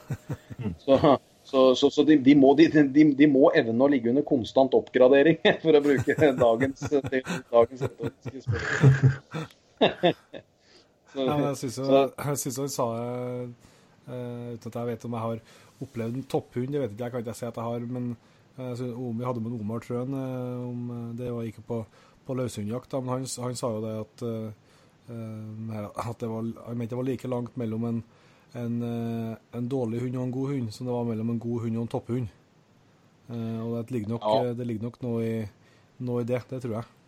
Ja, og så tror jeg, hvis jeg skal være helt ærlig, fordi at eh, han skal Det er klart at eh, et, et, et jaktlag, en, en, en jeger og en hund, eh, jaktlaget eh, vi, blir jo, vi blir jo ikke bedre enn det svake leddet. og, vi kan, og vi kan jo spille på hverandres egenskaper. Det er klart at det er først når du har lært hunden din å kjenne skikkelig godt, at erfaringen, altså den derre Hva skal jeg si, at du kan legge sammen to pluss to og få det til å bli fire, så blir det ganske effektivt men med en god hund. Og, det, og det er mange, jeg, jeg tror jeg, jeg får si mange av oss, som har fått til bra resultater med gode hunder. Men om vi har hatt topp hunder? nei, det tror jeg ikke. Hvis jeg skal være helt ærlig, så, så tror jeg det handler om en kombinasjon. Altså, jeg, tror de, jeg, jeg, tror veldig, altså, jeg tror det går litt på en, en god hund kan oppleves som topphund, i hvert fall på resultater. Men jeg tror at en, eh, en god hund eh, blir jo eh, Kan fort anses som en topphund, eh, i hvert fall jaktmessig. Eh, fordi han også har en jeger som, som klarer å utnytte det, det hunden gjør. da. Mm. Mm. Så jeg tror, jeg tror laget skaper resultat. Også, det er klart at en god hund definerer, definerer et, et godt jaktlag. Utvilsomt. Mm. Og, og desto bedre hund, desto bedre resultat for jaktlaget. Men, eh, men jeg tror også at et bra jaktlag kan få ganske bra resultater ut av en middels hund. Mm. Da tenker jeg jaktlaget, så tenker jo jeg jegeren, altså hundeeieren og hunden, på en måte. Ja, ja, ja. Eh, Det er noe med det. For det er klart at man må ha eh, man må, ha, man må komme inn i riktige situasjoner. Man må klare å lese biotopene godt. eh, Og avslutningene er viktig. Det er klart at skal man lykkes på tiurjakta, eller på skogsfugljakta generelt Nå var det voldsomt her, da. Skal man, skal man lykkes med, med skogsfugljakta, så, så er det klart at eh, noe stort mer krevende skyting, det skal jo også godt gjøres. da. Mm. Så, så det er klart at det hjelper. altså Får du, får du to sjanser på tiur i løpet av helga og skyter bom på begge, så ble det jo ingen den helga. Dere, vet- dere vet alt om Jan Peder. Ja, Ja da. Det, det, det, og det er klart at, og det er klart at, at uh, en som skyter mye bom, men allikevel, allikevel får seg noen fugler, det er klart han har flere skuddsjanser enn en som skyter sjelden bom. Mm. Og så er jo spørsmålet, da. Han som skyter sjelden bom, han får antageligvis flere fugler, men har han en, brede, men har han en bedre hund? Ikke, det da vi, vi er tilbake til det med er vi tilbake med akkurat som du sa, at en, en, det fins dårlige og det fins gode, og det fins ekstremt bra hunder. Mm. Eh, og jeg tror, at, eh, jeg tror at eh, man kommer veldig langt med en, med en god hund, jeg, hvis, det, hvis, man er en, en, hvis man er noenlunde oppegående på, på biotop eh, og skyteform sjøl, så, så er det klart at det hjelper jo på. Det er ikke noe tvil om det. Nei, og, på, dere, eh, ja, Jon Inge, jeg har bomma på. Eh, det er sånn. Det har vi gjort de fleste, altså. Ja, men til meg var det Vi har jo noen, eh, noen del eh, unge, unge lovende jegere som sikkert har kjent på det samme. Så i hvert fall for min del så, så ble det jo Jeg har ikke skutt noe voldsomt på tiåra, men det har blitt noen. Og, og for meg så løsna jeg liksom etter den første. Ja. Det var liksom den første som var til meg så Og det Jeg lurer på om jeg, jeg lurer på om jeg, at eh, jeg drev og skrev eh, dagbok eh, back in the day, og, og jeg lurer på om jeg hadde en sånn rundt 50 bom på tiur, jeg. Uh, før, før, den første, eh, før den første datt jeg var på støkk, det var støkk her, da, før jeg fikk jeg begynte å bruke hund skikkelig. Men, uh, men det, det, var, det tror jeg rett og slett var så enkelt som at uh, det datt jo noen andre fugler. Men eh, det var liksom, når jeg hørte de tiurvingene, så, så gikk pulsen opp til 280 da, mm. på, på 0,5 sekunder. Så at, liksom, det, var- det ble en sånn eh, det ble, det ble en sånn det ble, en mental sperre. Jeg klarte ikke å jeg klarte ikke å gjøre det jeg visste jeg kunne gjøre med hegla. Nei, ikke sant. Men, men når den første sikkert var uheldig og, og fløy rett inn i skura, så så, så løsna det tross alt det gjorde, altså. Så det, ble, det gikk mye bedre etter, etter det. Så, for det er jo uh, Skal ikke jeg svare for alle, men i hvert fall for meg som, som fuglejeger, så, så, er jo det er jo ikke noe, det er jo ikke noe som henger høyere enn en tiuren og, og, og gammeltiuren. Liksom. Det er jo det som er uh, Det er jo det, det ultimate det ultimate viltet i mine øyne på på, på fuglejakt. Og, og, da blir det jo litt sånn uh, Du går jo og tenker mye på den, og det er liksom den som er det store målet. Og for meg så ble det liksom uh, ja, Det ble en sånn mental greie, tror jeg, som, men til slutt som, som løste seg av seg sjøl. Når jeg bare fikk, fikk uh, skutt noen og fikk roa meg litt, roa meg litt ned, rett og slett. Ja, altså jeg, jeg, kjenner jo igjen dette veldig sjøl òg. Uh, hadde vel egentlig en flying start på det som støkkjeger. Uh, så, så jeg, jeg, jeg, fikk veldig tidlig høl på den bilen. Men, uh, men jeg kjenner igjen akkurat det du sier nå. Men jeg kjenner igjen på en litt annen måte. og det er at jeg kjenner at jeg ikke, er ikke like, jeg er ikke like fokusert og jeg er ikke like god til å ta vare på en skuddsjanse på en jeg holdt på å si På tidligjakta f.eks. Så, så kan jeg godt skyte dobbeltbom på orrfuglkullet. Mm. Eh, og kose meg med det. Eh, men, men, men, og det, ja, altså det, det, det, er, det, tar ikke i noe særlig sånn sett. Altså det er en fin jakt og det er en fin situasjon. og Situasjonen har jo vært der, og vi har skutt bom, og det er fair og square. Men så fort eh, vingeslaget er tyngre, mm. og fuglen eksponerer seg, og du ser at det er noe gråsvart over ryggen på det, da da, da, blir det annerledes for min del. Da går jeg inn i en helt annen modus. Da, da, da blir det viktig. Og da gjør jeg, den, gjør jeg, den, jobben på en litt annen måte, føler jeg. For jeg, eh, så lenge vi har skuddsjans, på, på, også så lenge skuddhold og skuddsjansene er OK på tiur, så har vi hatt lett for å få til det. Men du verden, jeg har rota bort mye annet. så, så, så, jeg ser det litt sånn som sånn gjennomgående så, den betyr så mye. at det, Som du sier, mm. tiuren betyr så mye for meg som, som fuglevilt. Nettopp pga. at det er det, det, grommeste, eh, kan du si. Så, så blir jeg jeg kjenner at jeg får et annet fokus når, når de eksponerer seg og er, er mulig å få skutt på. Så, så, så, så, blir jobben gjort på en annen måte. Det er mer konsentrasjon, det er mer vilje. Det er mer uh, Ja. Det ender ofte bedre enn mye annet. Mm. Ja, det er bra, det er noen, bra noen som har hatt det den veien òg. Det er, eh, det er, som en sier til meg, at eh, du er såpass dårlig til å skyte, så det må være såpass stort for at du skal treffe det. Og jeg får bare nikke anerkjenne. Ja vel. OK. Det er, det, er, det, er, jo en større blink, så du kan si at eh, hvis man, hvis man sånn rent, hvis man sånn rent men, mentalt uh, sjøl at man skyter ei, ei, ei jerpe i et, i et uh, fluktskudd i en tett skog og, og, og, får den, og så skyter man kanskje to bom på seinere på dagen. og så, så er det er jo noe annet som slår inn enn skyteegenskaper. For det er ikke noe tvil om at man kan skyte hvis man kan skyte ei jerpe. Eller ei orrhøne, eller en hvilken som helst annen fugl i en, i en, trang skog. Men det er noe med den tiuren som gjør at man låser seg veldig opp. Altså, og, før man får uh, hva skal jeg si, før man får mjukna opp ledda på, på, på, på tiurfeberen, så, så, så, så, kan det så, så, tar det i, altså. Det gjør det. han, eh, han Jon Petter han er veldig opptatt av, eh, av vekta på tiurene.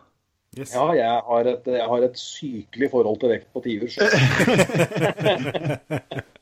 det er helt perfekt. ja.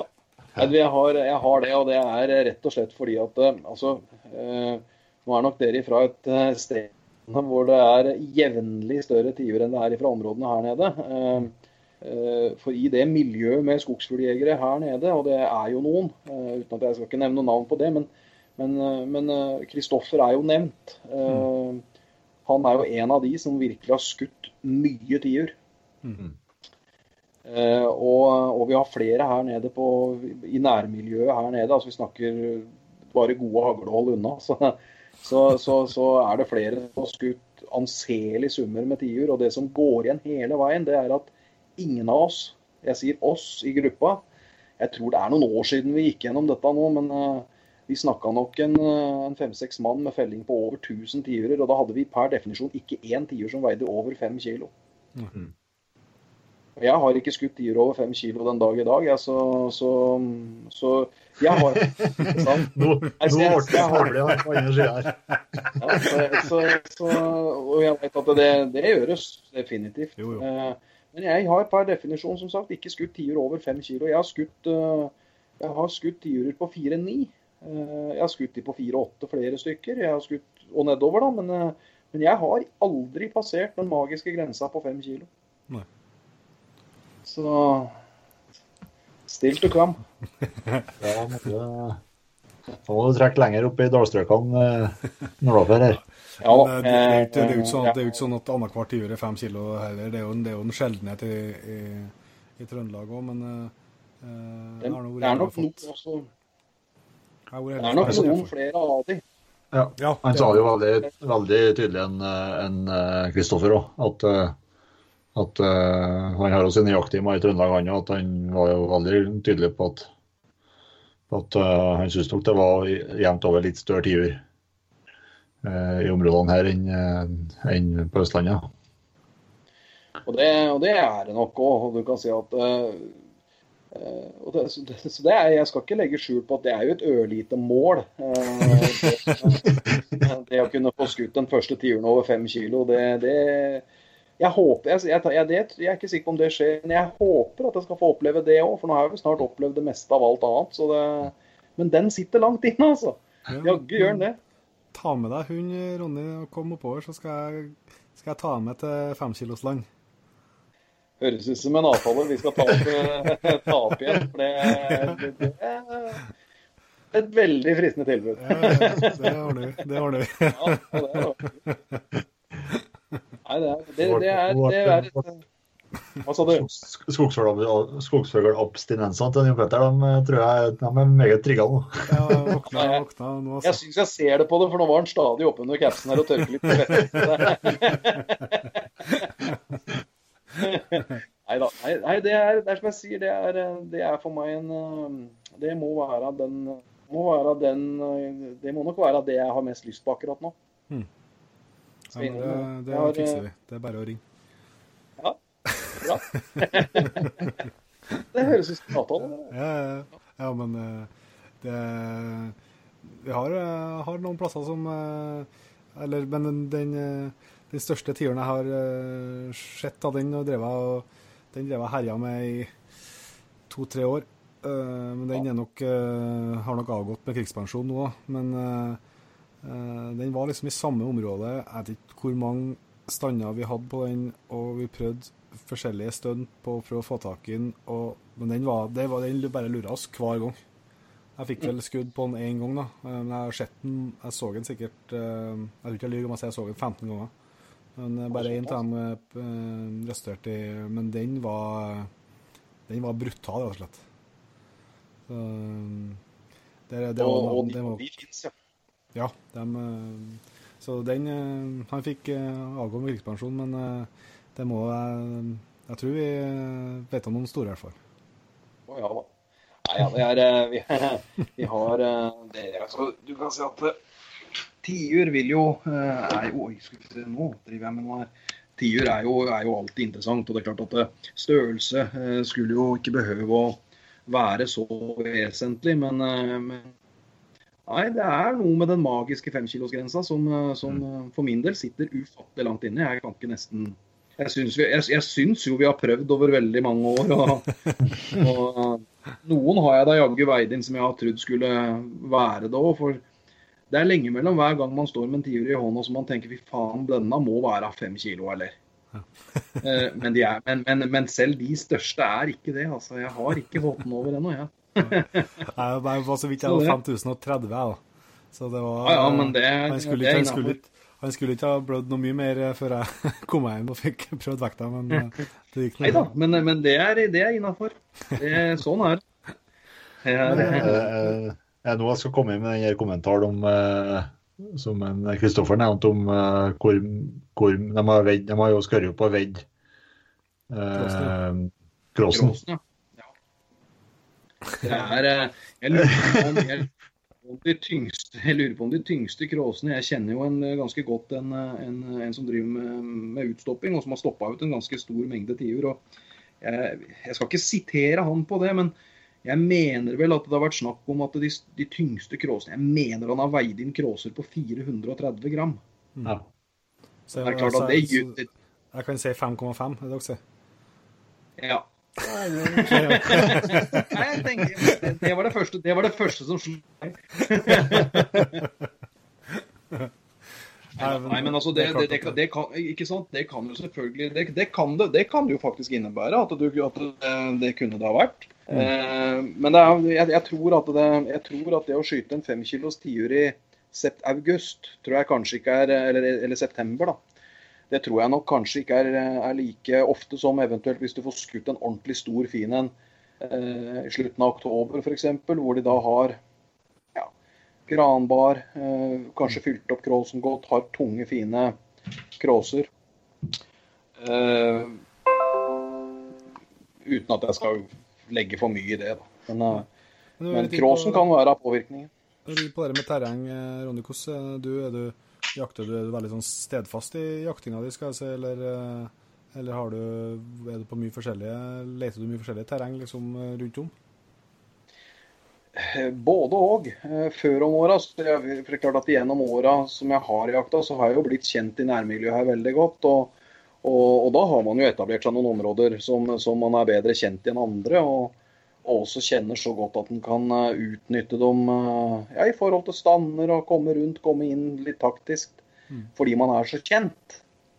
Eh, nå i de seinere åra så har jeg vært nødt til å, å, på en måte prøve meg fram på litt nye områder. Og, og, og jeg vil si at de siste tre-fire åra så har jeg nok jakta mer på, på nye områder enn jeg, enn jeg gjorde før. Mm. Mm. Eh, rett og slett. Eh, biotopene er jo de samme, så, så, så, sånne store utfordringer i forhold til akkurat det er det jo ikke. Men, eh, men eh, du mister den der komfortsona med å vite hvordan det ser ut over åskarmen og ned mot myra. liksom. Du, mm. har, du vært, har, du vært, der før, så vet du at det du har prøvd en tre-fire ganger før, det har ikke fungert. Så kan du i hvert fall legge om taktikkene litt. men, men, på nye steder så må du på en måte ta litt mer ja, du må, du må prøve å lese litt mer riktig riktig på terrenget eh, og, gjøre det, det, er litt mer krevende, rett og slett. Mm. Men desto mer spennende.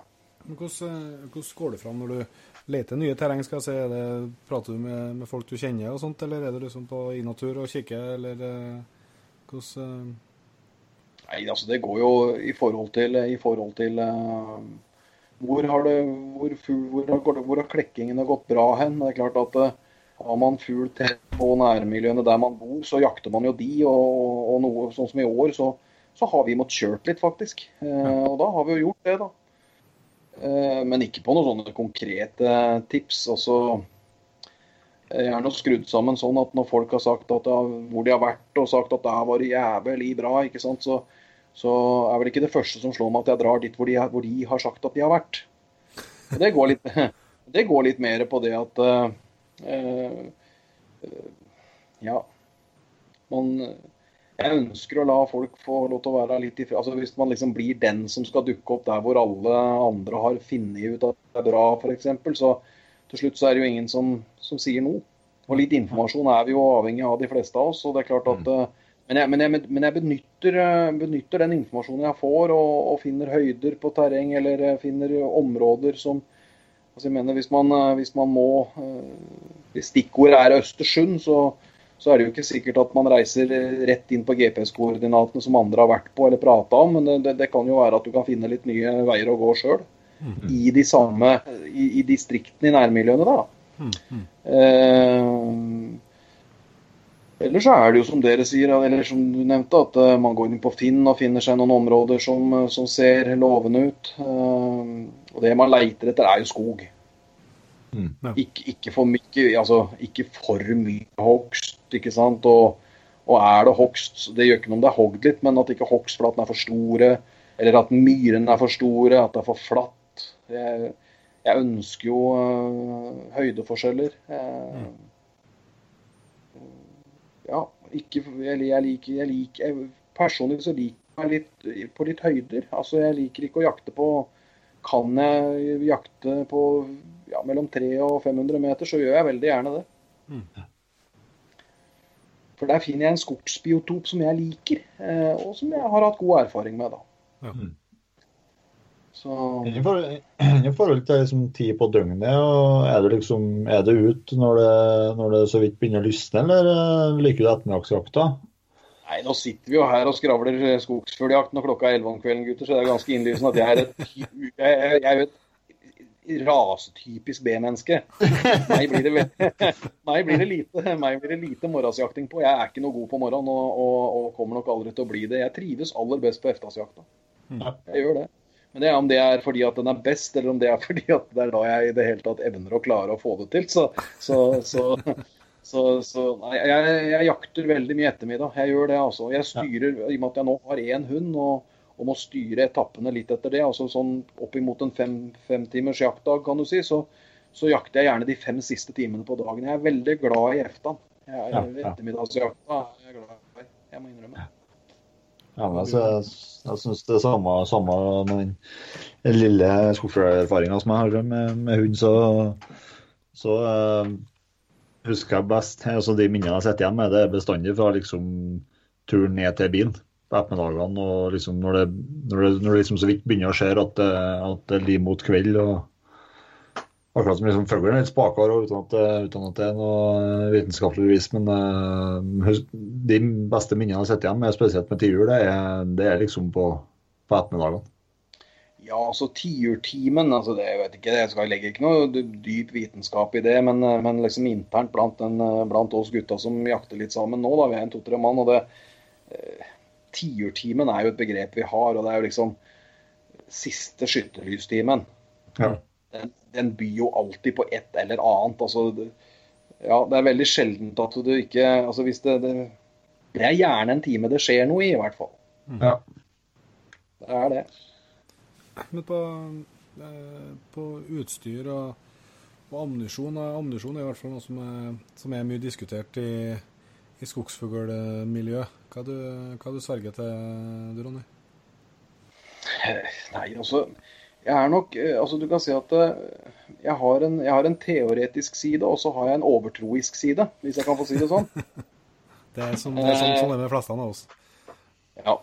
Eh, jeg tror at ideelt sett så tror jeg at de fleste hadde klart seg veldig godt med, med relativt raske patroner. Altså gode, moderne patroner i 32-34 gram. Mm. Det, det, tror jeg er fullgodt til all skogsfugl. Eh, Sjøl så har jeg lett for å trekke meg mot 36-38. Eh, haglestørrelser kan man jo også selvfølgelig diskutere. Eh, Eh, og veldig delte meninger om det òg. Um, eh, måtte jeg velge ett nummer gjennom hele høsten, så hadde jeg valgt femmer. Det slipper jeg heldigvis, så jeg bruker både seks, fem og fire.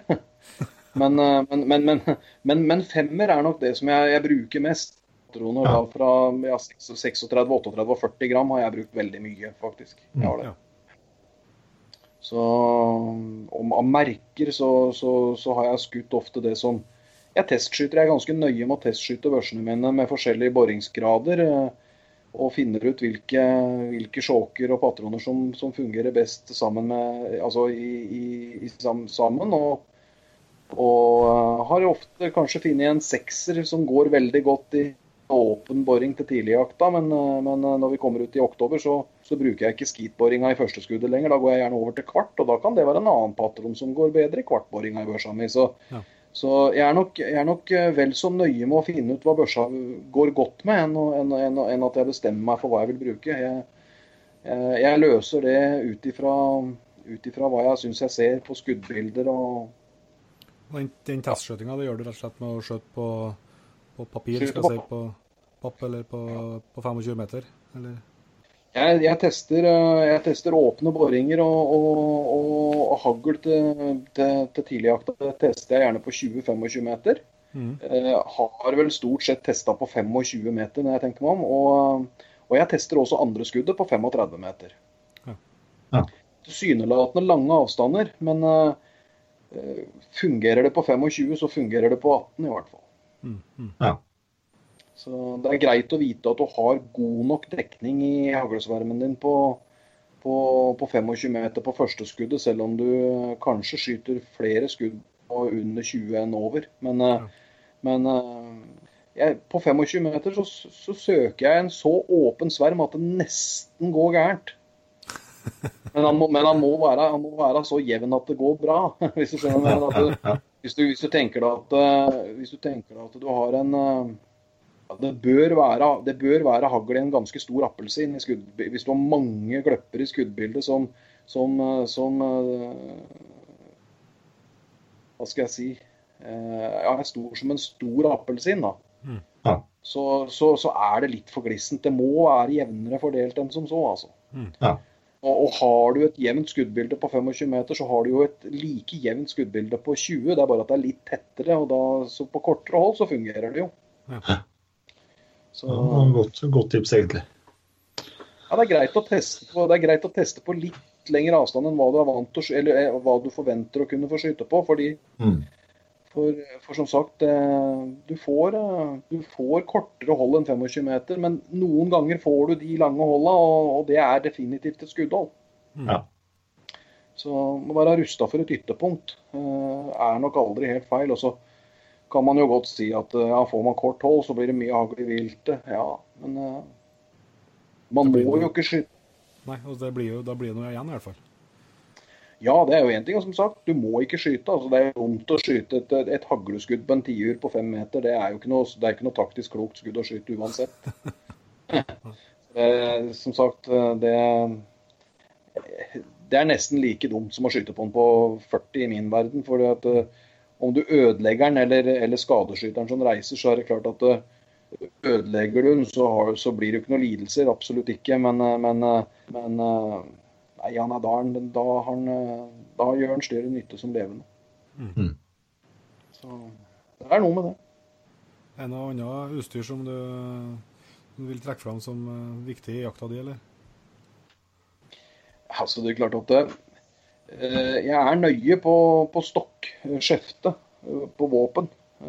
Der er jeg over middels pirkete, ser jeg på meg. Og så er jeg selvfølgelig nøye, nøye, med, nøye med, med ammunisjon og testskyting. Det er jo liksom det er stikkord. altså du kan, du kan gå en hel høst med en patron som er OK og få et helt OK resultat. og så og så prøver man noe annet, kan du si, og finner ut at man egentlig kanskje har gått en hel høst med en patron som ikke har vært god nok i det hele tatt. Mm. For det, du, det, er ganske mye å hente på en god kontra en middels til en dårlig patron. Det er ganske store forskjeller. Um, ja. så, så, det er sånne ting som jeg ikke lar gå på noe tilfeldighet. Og så er det klart at uh, for oss gutta med litt, uh, med litt uh, akseltrykk det, er ikke noe, det, er ikke noe, det er ikke noe tvil om at man med åra har, har tilegna seg noe korpulent trekk. det er det sånn at Nei da. Ja, bare, det er er definert som diffuse trekk. Uh, nei da. Jeg, du kan si at jeg er avhengig av uh, Jeg setter veldig pris på gode støvler. Det, det, det, det høres ut som en selvfølge for mange, men, men, gode støvler og en god jaktsekk mm. Det er utstyr jeg trenger mer enn en verdens beste Gore-Tex-membran, for å si det sånn. Det er ikke så farlig for meg, egentlig. Men, uh, men en god jaktsekk, som den skal være god å bære Eh, når jeg har med meg det jeg trenger til jakta mi, og den skal være god å bære ut av skauen når du forhåpentligvis også kanskje har noe mer med deg ut enn du hadde med deg inn. Mm. Eh, og han skal være skytbar. altså jeg må, jeg må, Sekken skal ikke hefte meg skytemessig. Om jeg kanskje har eh, fire skogsfugl i sekken for dagen, så, så, har jeg en time igjen til bilen, så tar jeg gjerne med den femte hvis situasjonene tilegner seg det. og det. Sekken skal ikke begrense meg. Det, den er jeg viktig med, eller den er jeg nøye med. Mm. Så, så, så, og, og, som sagt, gode jaktstøvler. Mm. Det er, det er Skogsfugljakta setter faktisk eh, store krav til fottøyet. Det er mye, det er mye myr. Det er mye myr, og det er mye myr. Eh, gangretning på såler er viktig. Grip på såler, så du, så du står og tar godt. Eh, at støvler eh, ikke er for tunge, eh, var jo ting jeg ikke brøy meg om før, ikke sant? av naturlige årsaker. Men, men, men, men nå, er det, nå, er det, nå, er det, enkelte ting som på en måte stiller litt andre krav. og, og det, det, er viktige deler av utstyret mitt, rett og slett. Våpen, patroner, sekken og, og støvler. og Resten skal jeg ta meg gjennom de fleste jaktdager med, om jeg ikke har som jeg sier, om jeg ikke har den beste Gore-Tex-buksa eller, eller, eller, den kuleste fleecegenseren. Så er ikke, det, er ikke det, betyr, det betyr mindre for min del. Jeg, mm. På utstyr er, er, jeg nok skrudd sammen med, med, med, noe mer praktisk tilnærming. At det funker det, så må det gjerne være fint. Funker ikke, så, ikke, så hjelper det jo ingenting hvor fint det er. Så, så, så, først og fremst må det fungere til det behovet, eller dekke de behovene jeg har. Og så, så er det klart at hvis det i tillegg er, er, er fint, så, så, er det bare for det å være en hyggelig del av det. Rett og slett. Det, så er det ja. ja. Det, vi holder på å bruke litt eh, tid her, så vi skal nærme oss. Men før vi liksom går over på, på avslutning, skal se, så kjenner jeg at jeg har litt lyst til å drille litt mer da, i hodet ditt. Eh, Ronny, på, på dette, du snakker om dere når du beveger deg inn mot, uh, mot stand og mot situasjonene og den, det taktiske der.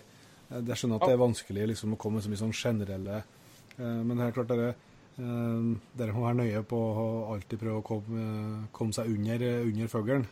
Det er jo, det er jo et, et, et, veldig veldig viktig tips. Men kan du, kan du si litt mer om, om den delen av jakta der?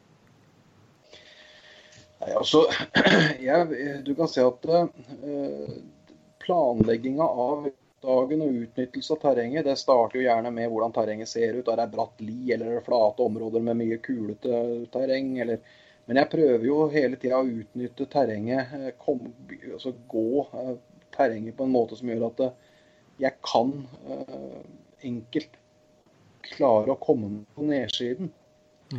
Og jeg gjør det ganske konsekvent, spesielt liksom fra slutten av september, nå, altså nå på denne tida her av året, så, så, prøver jeg nok å sørge for å komme langt nok ned. Altså ja. sørge for å komme nedenfra og oppover, utnytte terrenget på den måten. Eh, det er nettopp fordi at eh, er det en tiur, så har han lett for å slippe seg ut. Og sitter det en århanne og blodtrøkker under ei gran helt oppe ved bikkja, så vil jeg jo før eller seinere komme dit òg. Mm. Så, så, så, det er bare at hver enkel inngang på standa det tar lengre tid. Noe som gjør at du er veldig avhengig av en hund som står godt. Mm. mm. Er du trygg på hund, så kan du gjøre de taktiske vurderingene. Og, for det kan ta ti ekstra minutter før du er framme ved hund ved å gå på den måten. Men, men, eh, er du trygg på hund, så kan du gjøre det. Eh, og det er nok en viktig del av min filosofi rundt akkurat det med å jakte etter tiur, i hvert fall. Mm. Mm. Eh, ellers så er det klart Sesongen avgjør veldig på når og hvordan du gjør det. Eh, eh, tidlig på jakta så, så, går jeg veldig tett på hund. Da går jeg gjerne opp bak hund som en, som en helt vanlig si, rypejaktprosedyre. Mens man nå utover på denne tida her på høsten, så, så blir det mer taktisk, ja. Og Da må man utnytte terrenget. Jeg oppsøker gjerne terreng som er litt brattere òg, sånn at jeg kan gjør, få, litt, få, altså få, litt, gratis i akkurat den sammenhengen. Mm. Mm. Ja, for, for tiuren kommer ikke seg, så kommer ikke seg oppover. Sånn er det nå.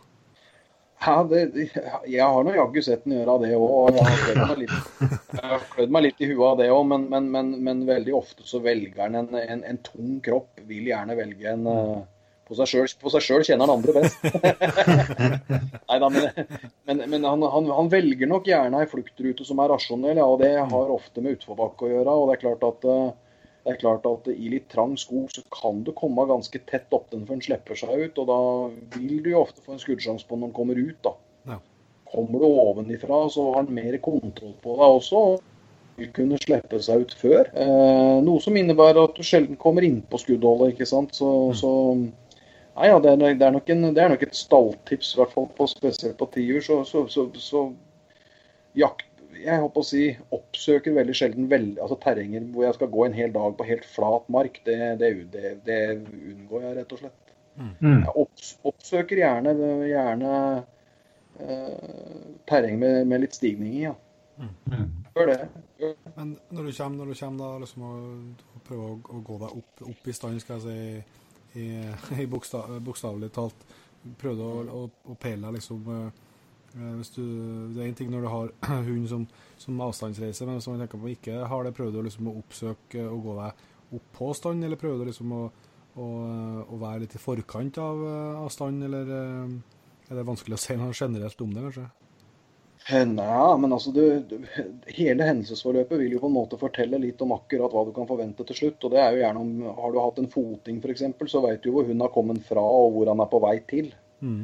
Eh, og, ja, da, og, når, og, når, det er ganske tydelig, hvis du i tillegg da har en vindretning som Hvis hun har fota imot vindretningen, mm. eh, så, så, så, så, er det noen sånne X-faktorer som detter på plass. Og da vil jeg nok ta meg opp litt i forkant av hun. Er gjerne nedenifra og ut litt i forkant.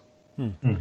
Det kan være litt det kan være plassbetont. Det er klart, Er du på vei mot en dal eh, eller et lite søkk i terrenget, så, så, vil jeg jo på en måte prøve å utnytte den. For en tier som kaster seg ut, vil jo gjerne følge terrenget også. Så mm. mm. det er litt situasjonsbetont. Det blir, nok en, det blir nok en vurdering fra gang til gang, ja. Men eh, mm. sånn rent teoretisk sett så prøver jeg nok å komme ut i forkant av hun uh, mer eller mindre. Ja. Mm. Gjør det. det det er artig når du har samme erfaringer som de som kan det, Jon Inge. jeg tror nok kanskje ikke at Jeg, jeg, jeg tror personlig ikke at, at skogsfugljakta i seg sjøl er så utrolig komplisert. Men, men, men jeg tror fellesnevneren, tror de fleste som har jakta litt skogsfugl, opplever mye av det samme. Mm. Det, det, tror jeg. For jeg tror ikke det er så veldig mange alternativer til det. Men, men uh, så kommer det jo an på hvor mye man gjør det. Det er klart, uh, En som jakter tre helger i september, vil jo ha en annen erfaring enn en som jakter uh, de samme tre helgene i november. Mm. Eller, eller, han som jakter fra 25.8 og til snøen stopper bikkja i å klare å gå, liksom. Så, mm. så, så, vil man oppleve mange flere lag i skogsfugljakta. Men, men men på det jevne så tror jeg at de som har jakta litt skogsfugl, jeg tror de kan sette seg ned en kveld og prate veldig mye av det samme språket på bakgrunn av mer eller mindre erfaring. Jeg tror det. Mm. Ja, så tror jeg det er på samme, det er på samme måte med en, med en, jeger som med en hund. at uh, altså, En hund må bare jaktes og jaktes og jaktes med for at den skal bli god. Og det, det er samme med en jeger òg. Ja, altså det, det, ja, det er, det er, ja, det er egentlig så du kan si at eh, du kan si at en hund må jaktes med. 25. august-jakt er jo ikke den vanskeligste jakta. Eh, en tiur i november kan være verdens enkleste fugl, men han kan også være verdens vanskeligste fugl. Mm. Eh, trening skaper flere giftige eller flere skarpe situasjoner. Og så er det jo da som sagt hva jegerne har forberedt seg på. Mm. For det er ingen tvil om at, at Eh, noe av de mest kompliserte jaktskudda på, som, som, en fluktskytter med hagle kan, kan havne oppi, det er, eh, er klart medvindstrekk på stokkender er skummelt, det. altså, Men, men, eh, men, men, men jeg, tror at, jeg tror kanskje at skogsfugljakta er noe av det mest krevende skytinga man kan utsettes for. Og, og skal man lykkes på skogen litt over, litt over den tidlige grensa, så, så fordrer nok det at man, eh, at man har gjort litt jobb i forkant av sesongen sjøl òg. Mm. Jeg ser for meg det. Veldig kort og konkret spørsmål. Trener mye på Leirdal, eller?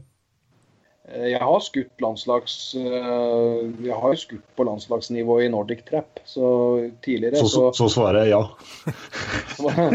svaret Jeg skøyt veldig mye før. Eh, jeg ja. gjorde det. Jeg, jeg, flyter nok litt på noen rutiner enda, og jeg skal innrømme at de rutinene de begynner å bli vagere, de òg. Så jeg må nok ta noen tak nå. Jeg, jeg skal innrømme det. Jeg syns kanskje denne sesongen har Jeg har rota mer enn høyst nødvendig i høst. så, så jeg må nok, jeg, jeg må nok innse at, eh, at eh, glansdagene de, de, de, de, må jeg ta tak i igjen hvis jeg skal opprettholde dem.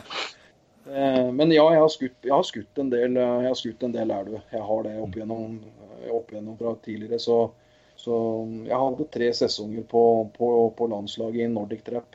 Mm. 2000, 2001 og 2002. Mm. Så det er klart det er en stund siden. Det, det er ikke noe det er ikke noe tvil om Eh, det er ikke noe tvil om at man har skutt litt etterpå også, og trent en del andre ting for den saks skyld. Men, eh, men, eh, men jeg kjenner nå at, at tida er inne for å ta tak i det litt igjen. Ja. Mm.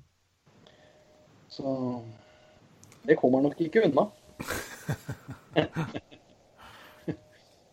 Men vi, vi har et, noen, noen, punkter som vi bruker å innom på, på slutten, eh, Ronny. Det ene er et spørsmål om eh, av det jaktutstyret du har eh, kjøpt eller fått de siste årene. Er det noe noe spesielt du kan trekke fram som du har blitt mest glad i?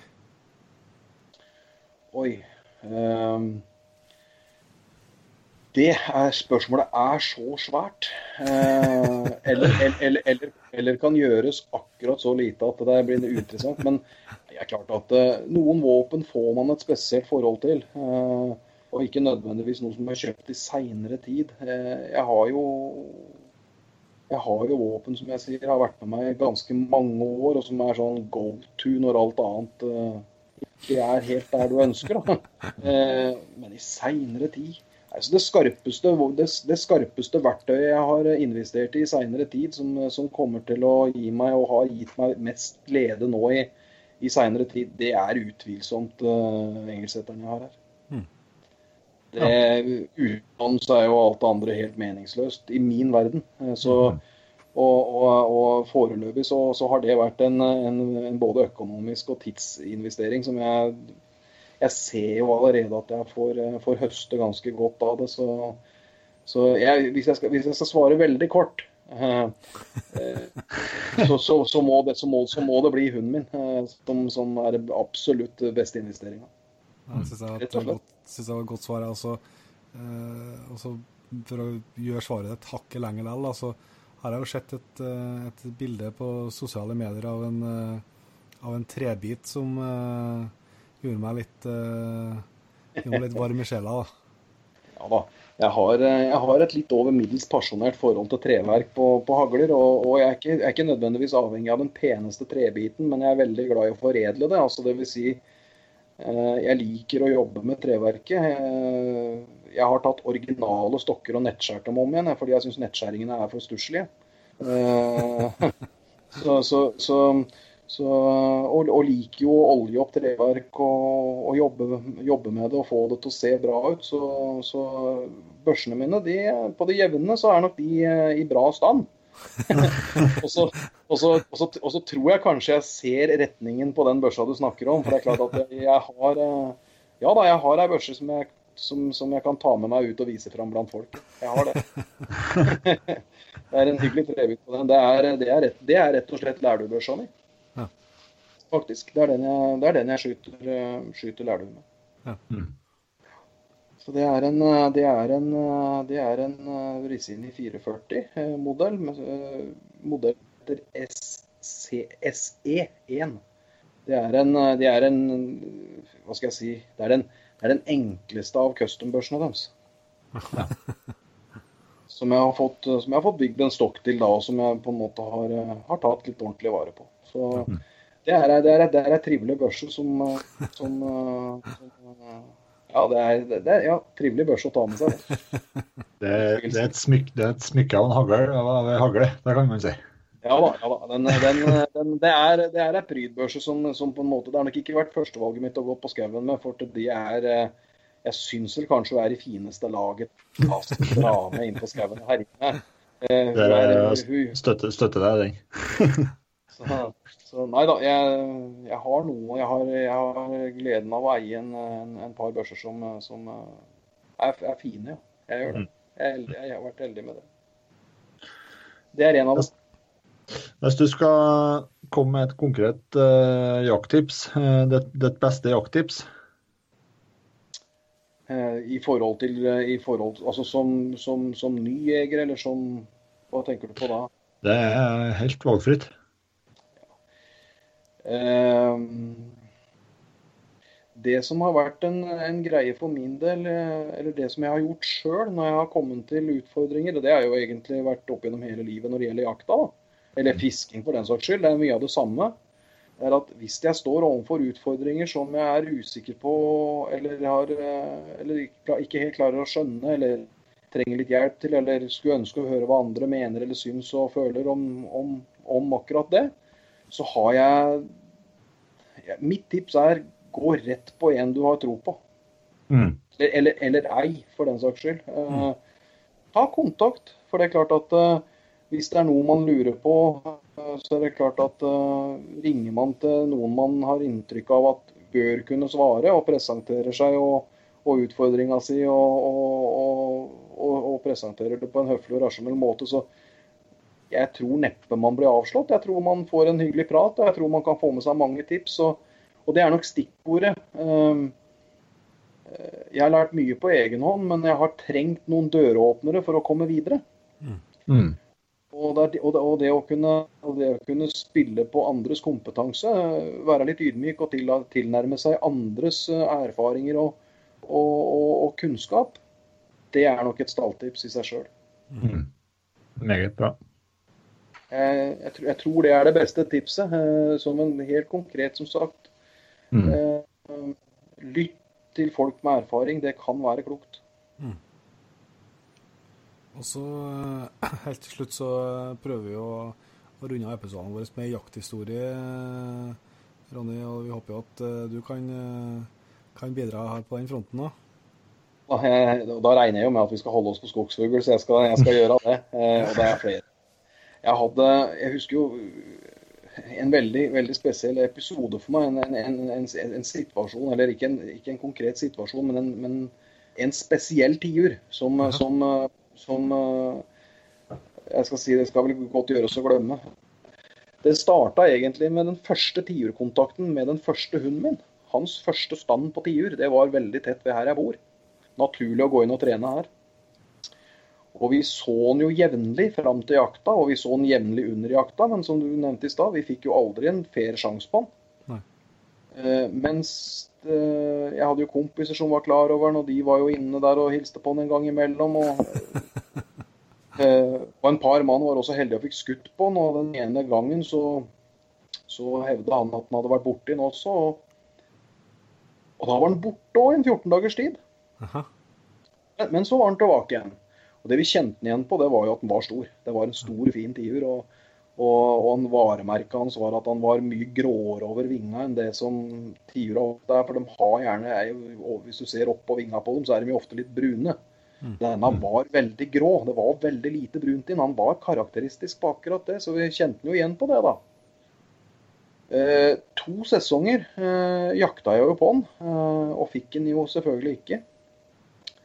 Men visste han var der. og og Den gangen så jobba jeg sånn at jeg av og til kom hjem igjen litt tidlig. Altså Dvs. Si jeg var hjemme gjerne i to-tre-tida. og Tidlig på sesongen så er det jo sluttelyst til både sju, åtte og ni, så det, det, var jo rom for å ta eftasturer.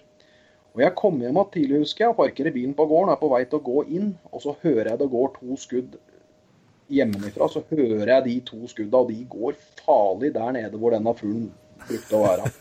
For han satt ganske, han satt ganske lavt på åskarmen her. og og det var jo det som gjorde at den fikk være her i fred, for de fleste var jo ikke helt der nede i bygda får jeg si, og så etter fugl.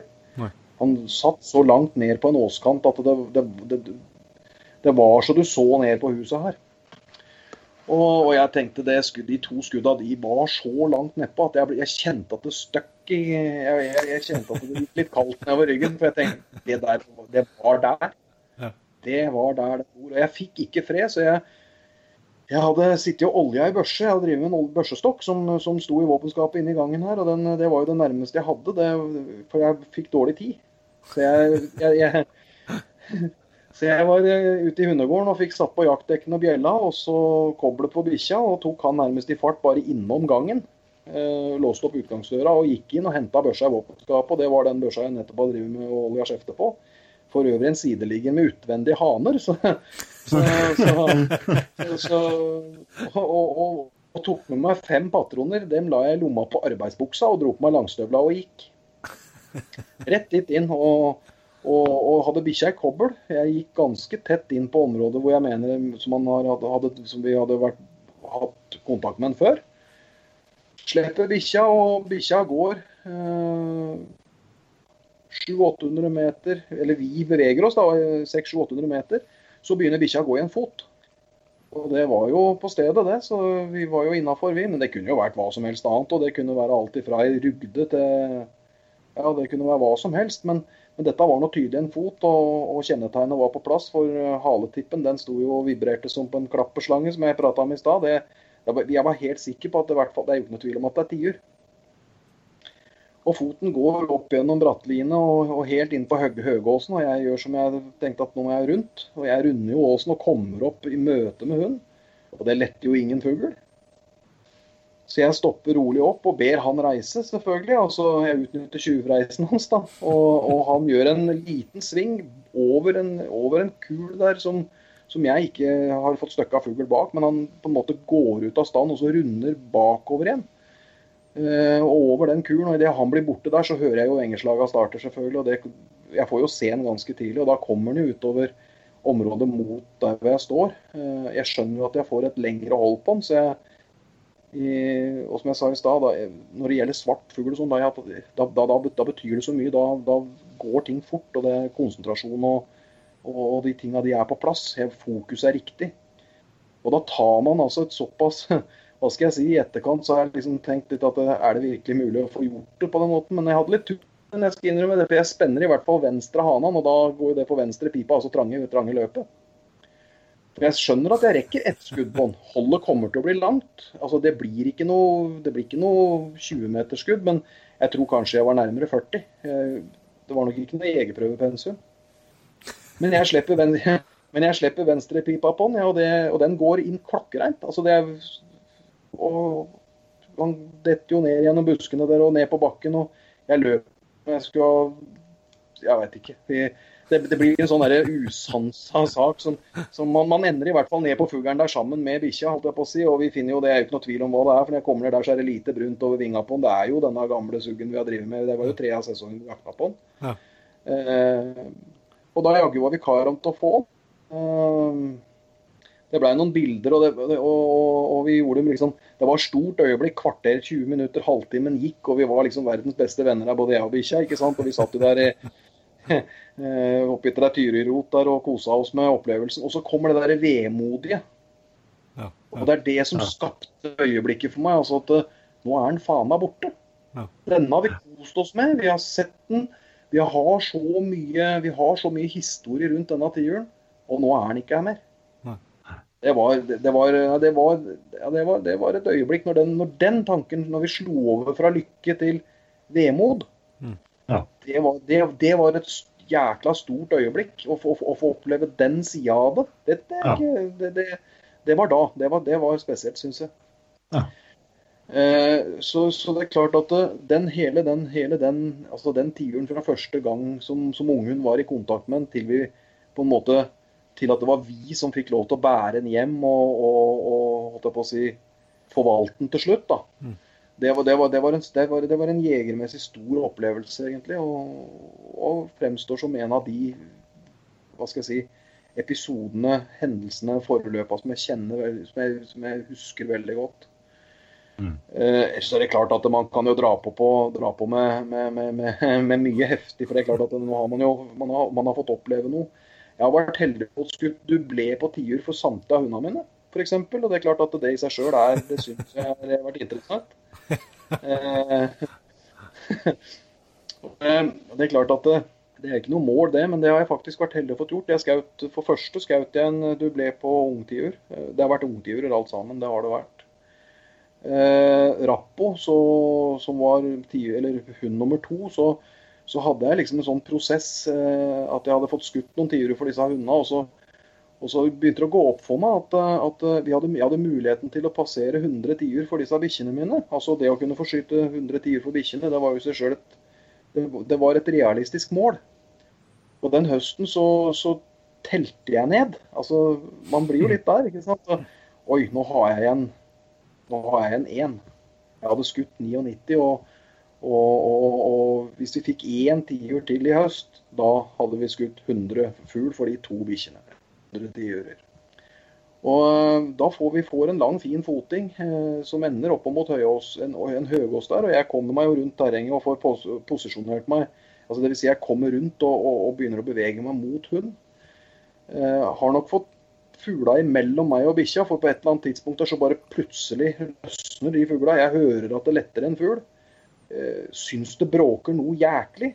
Eh, og hører at lyden kommer mot meg nedover i denne tette grana. da. Jeg bitte liten åpning. Så i det øyeblikket jeg får se fuglen kommer i åpningen, eh, og jeg går på for å skyte, så ser jeg at det kommer to. Altså det kommer, De kommer jo ut med to meters mellomrom. Det er én, og idet jeg monterer børsa, så er det en til der. Og, og, skyter et rent motskudd på den første. og det fra konkurranseskyting, og så kjenner jeg at altså, det er en skuddtype som jeg kjenner den så godt at jeg veit at den tar, eller jeg veit at jeg bommer.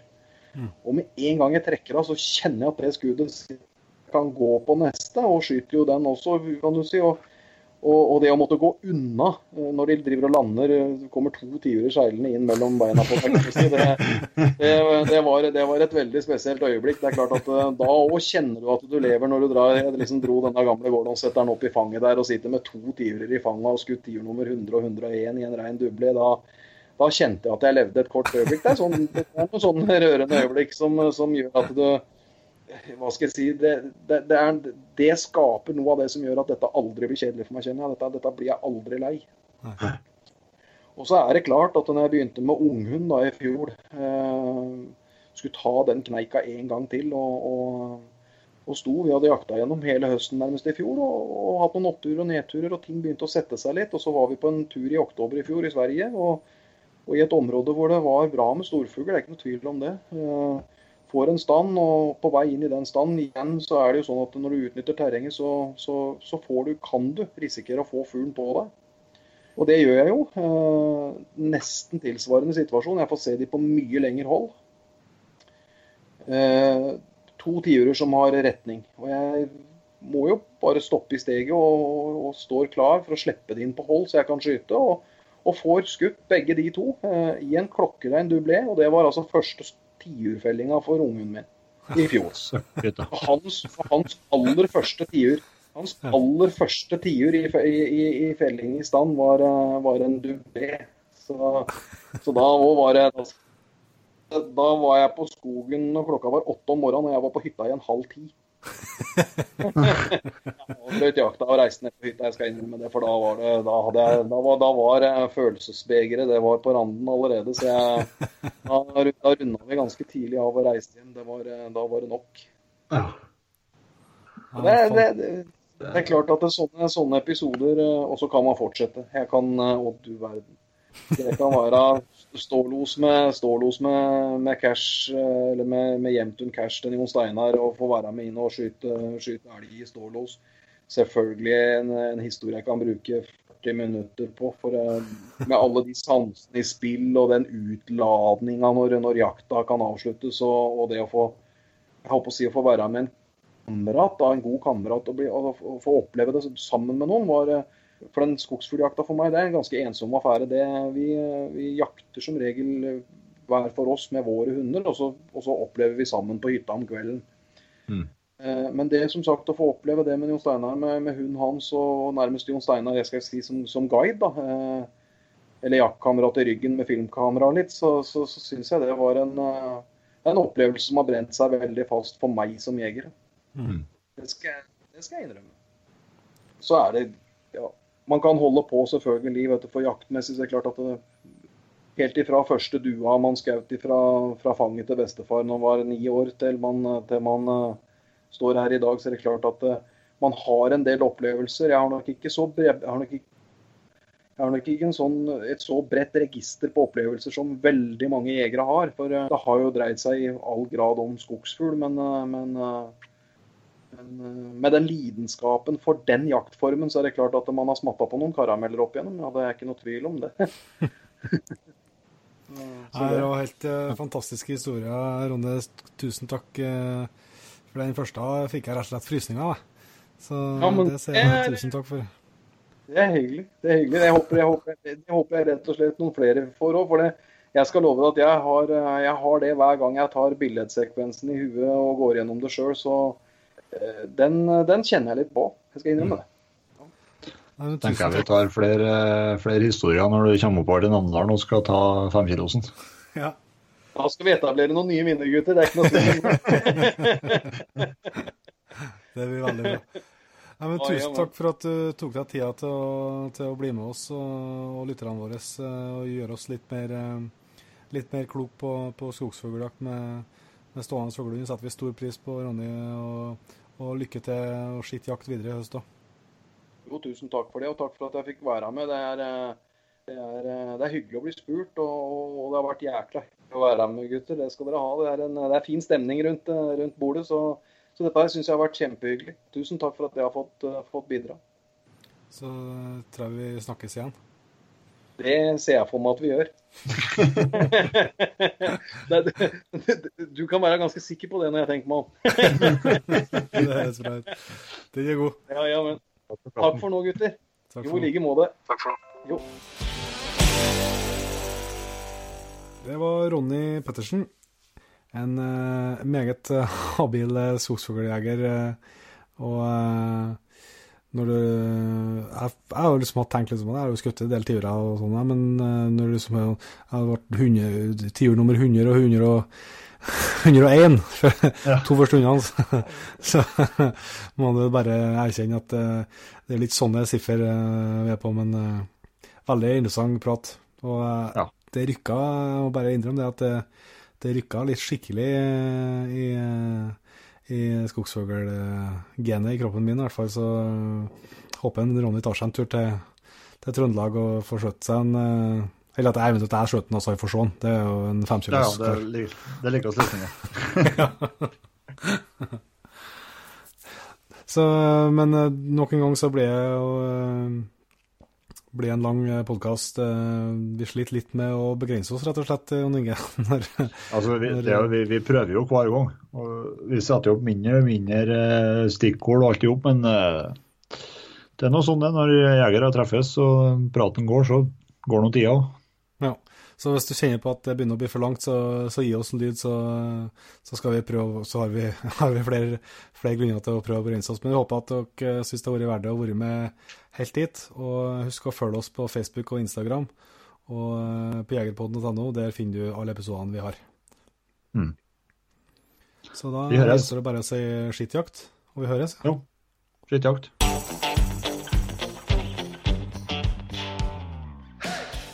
Tusen hjertelig takk for at du valgte å bruke litt av tida di på Jegerpodden.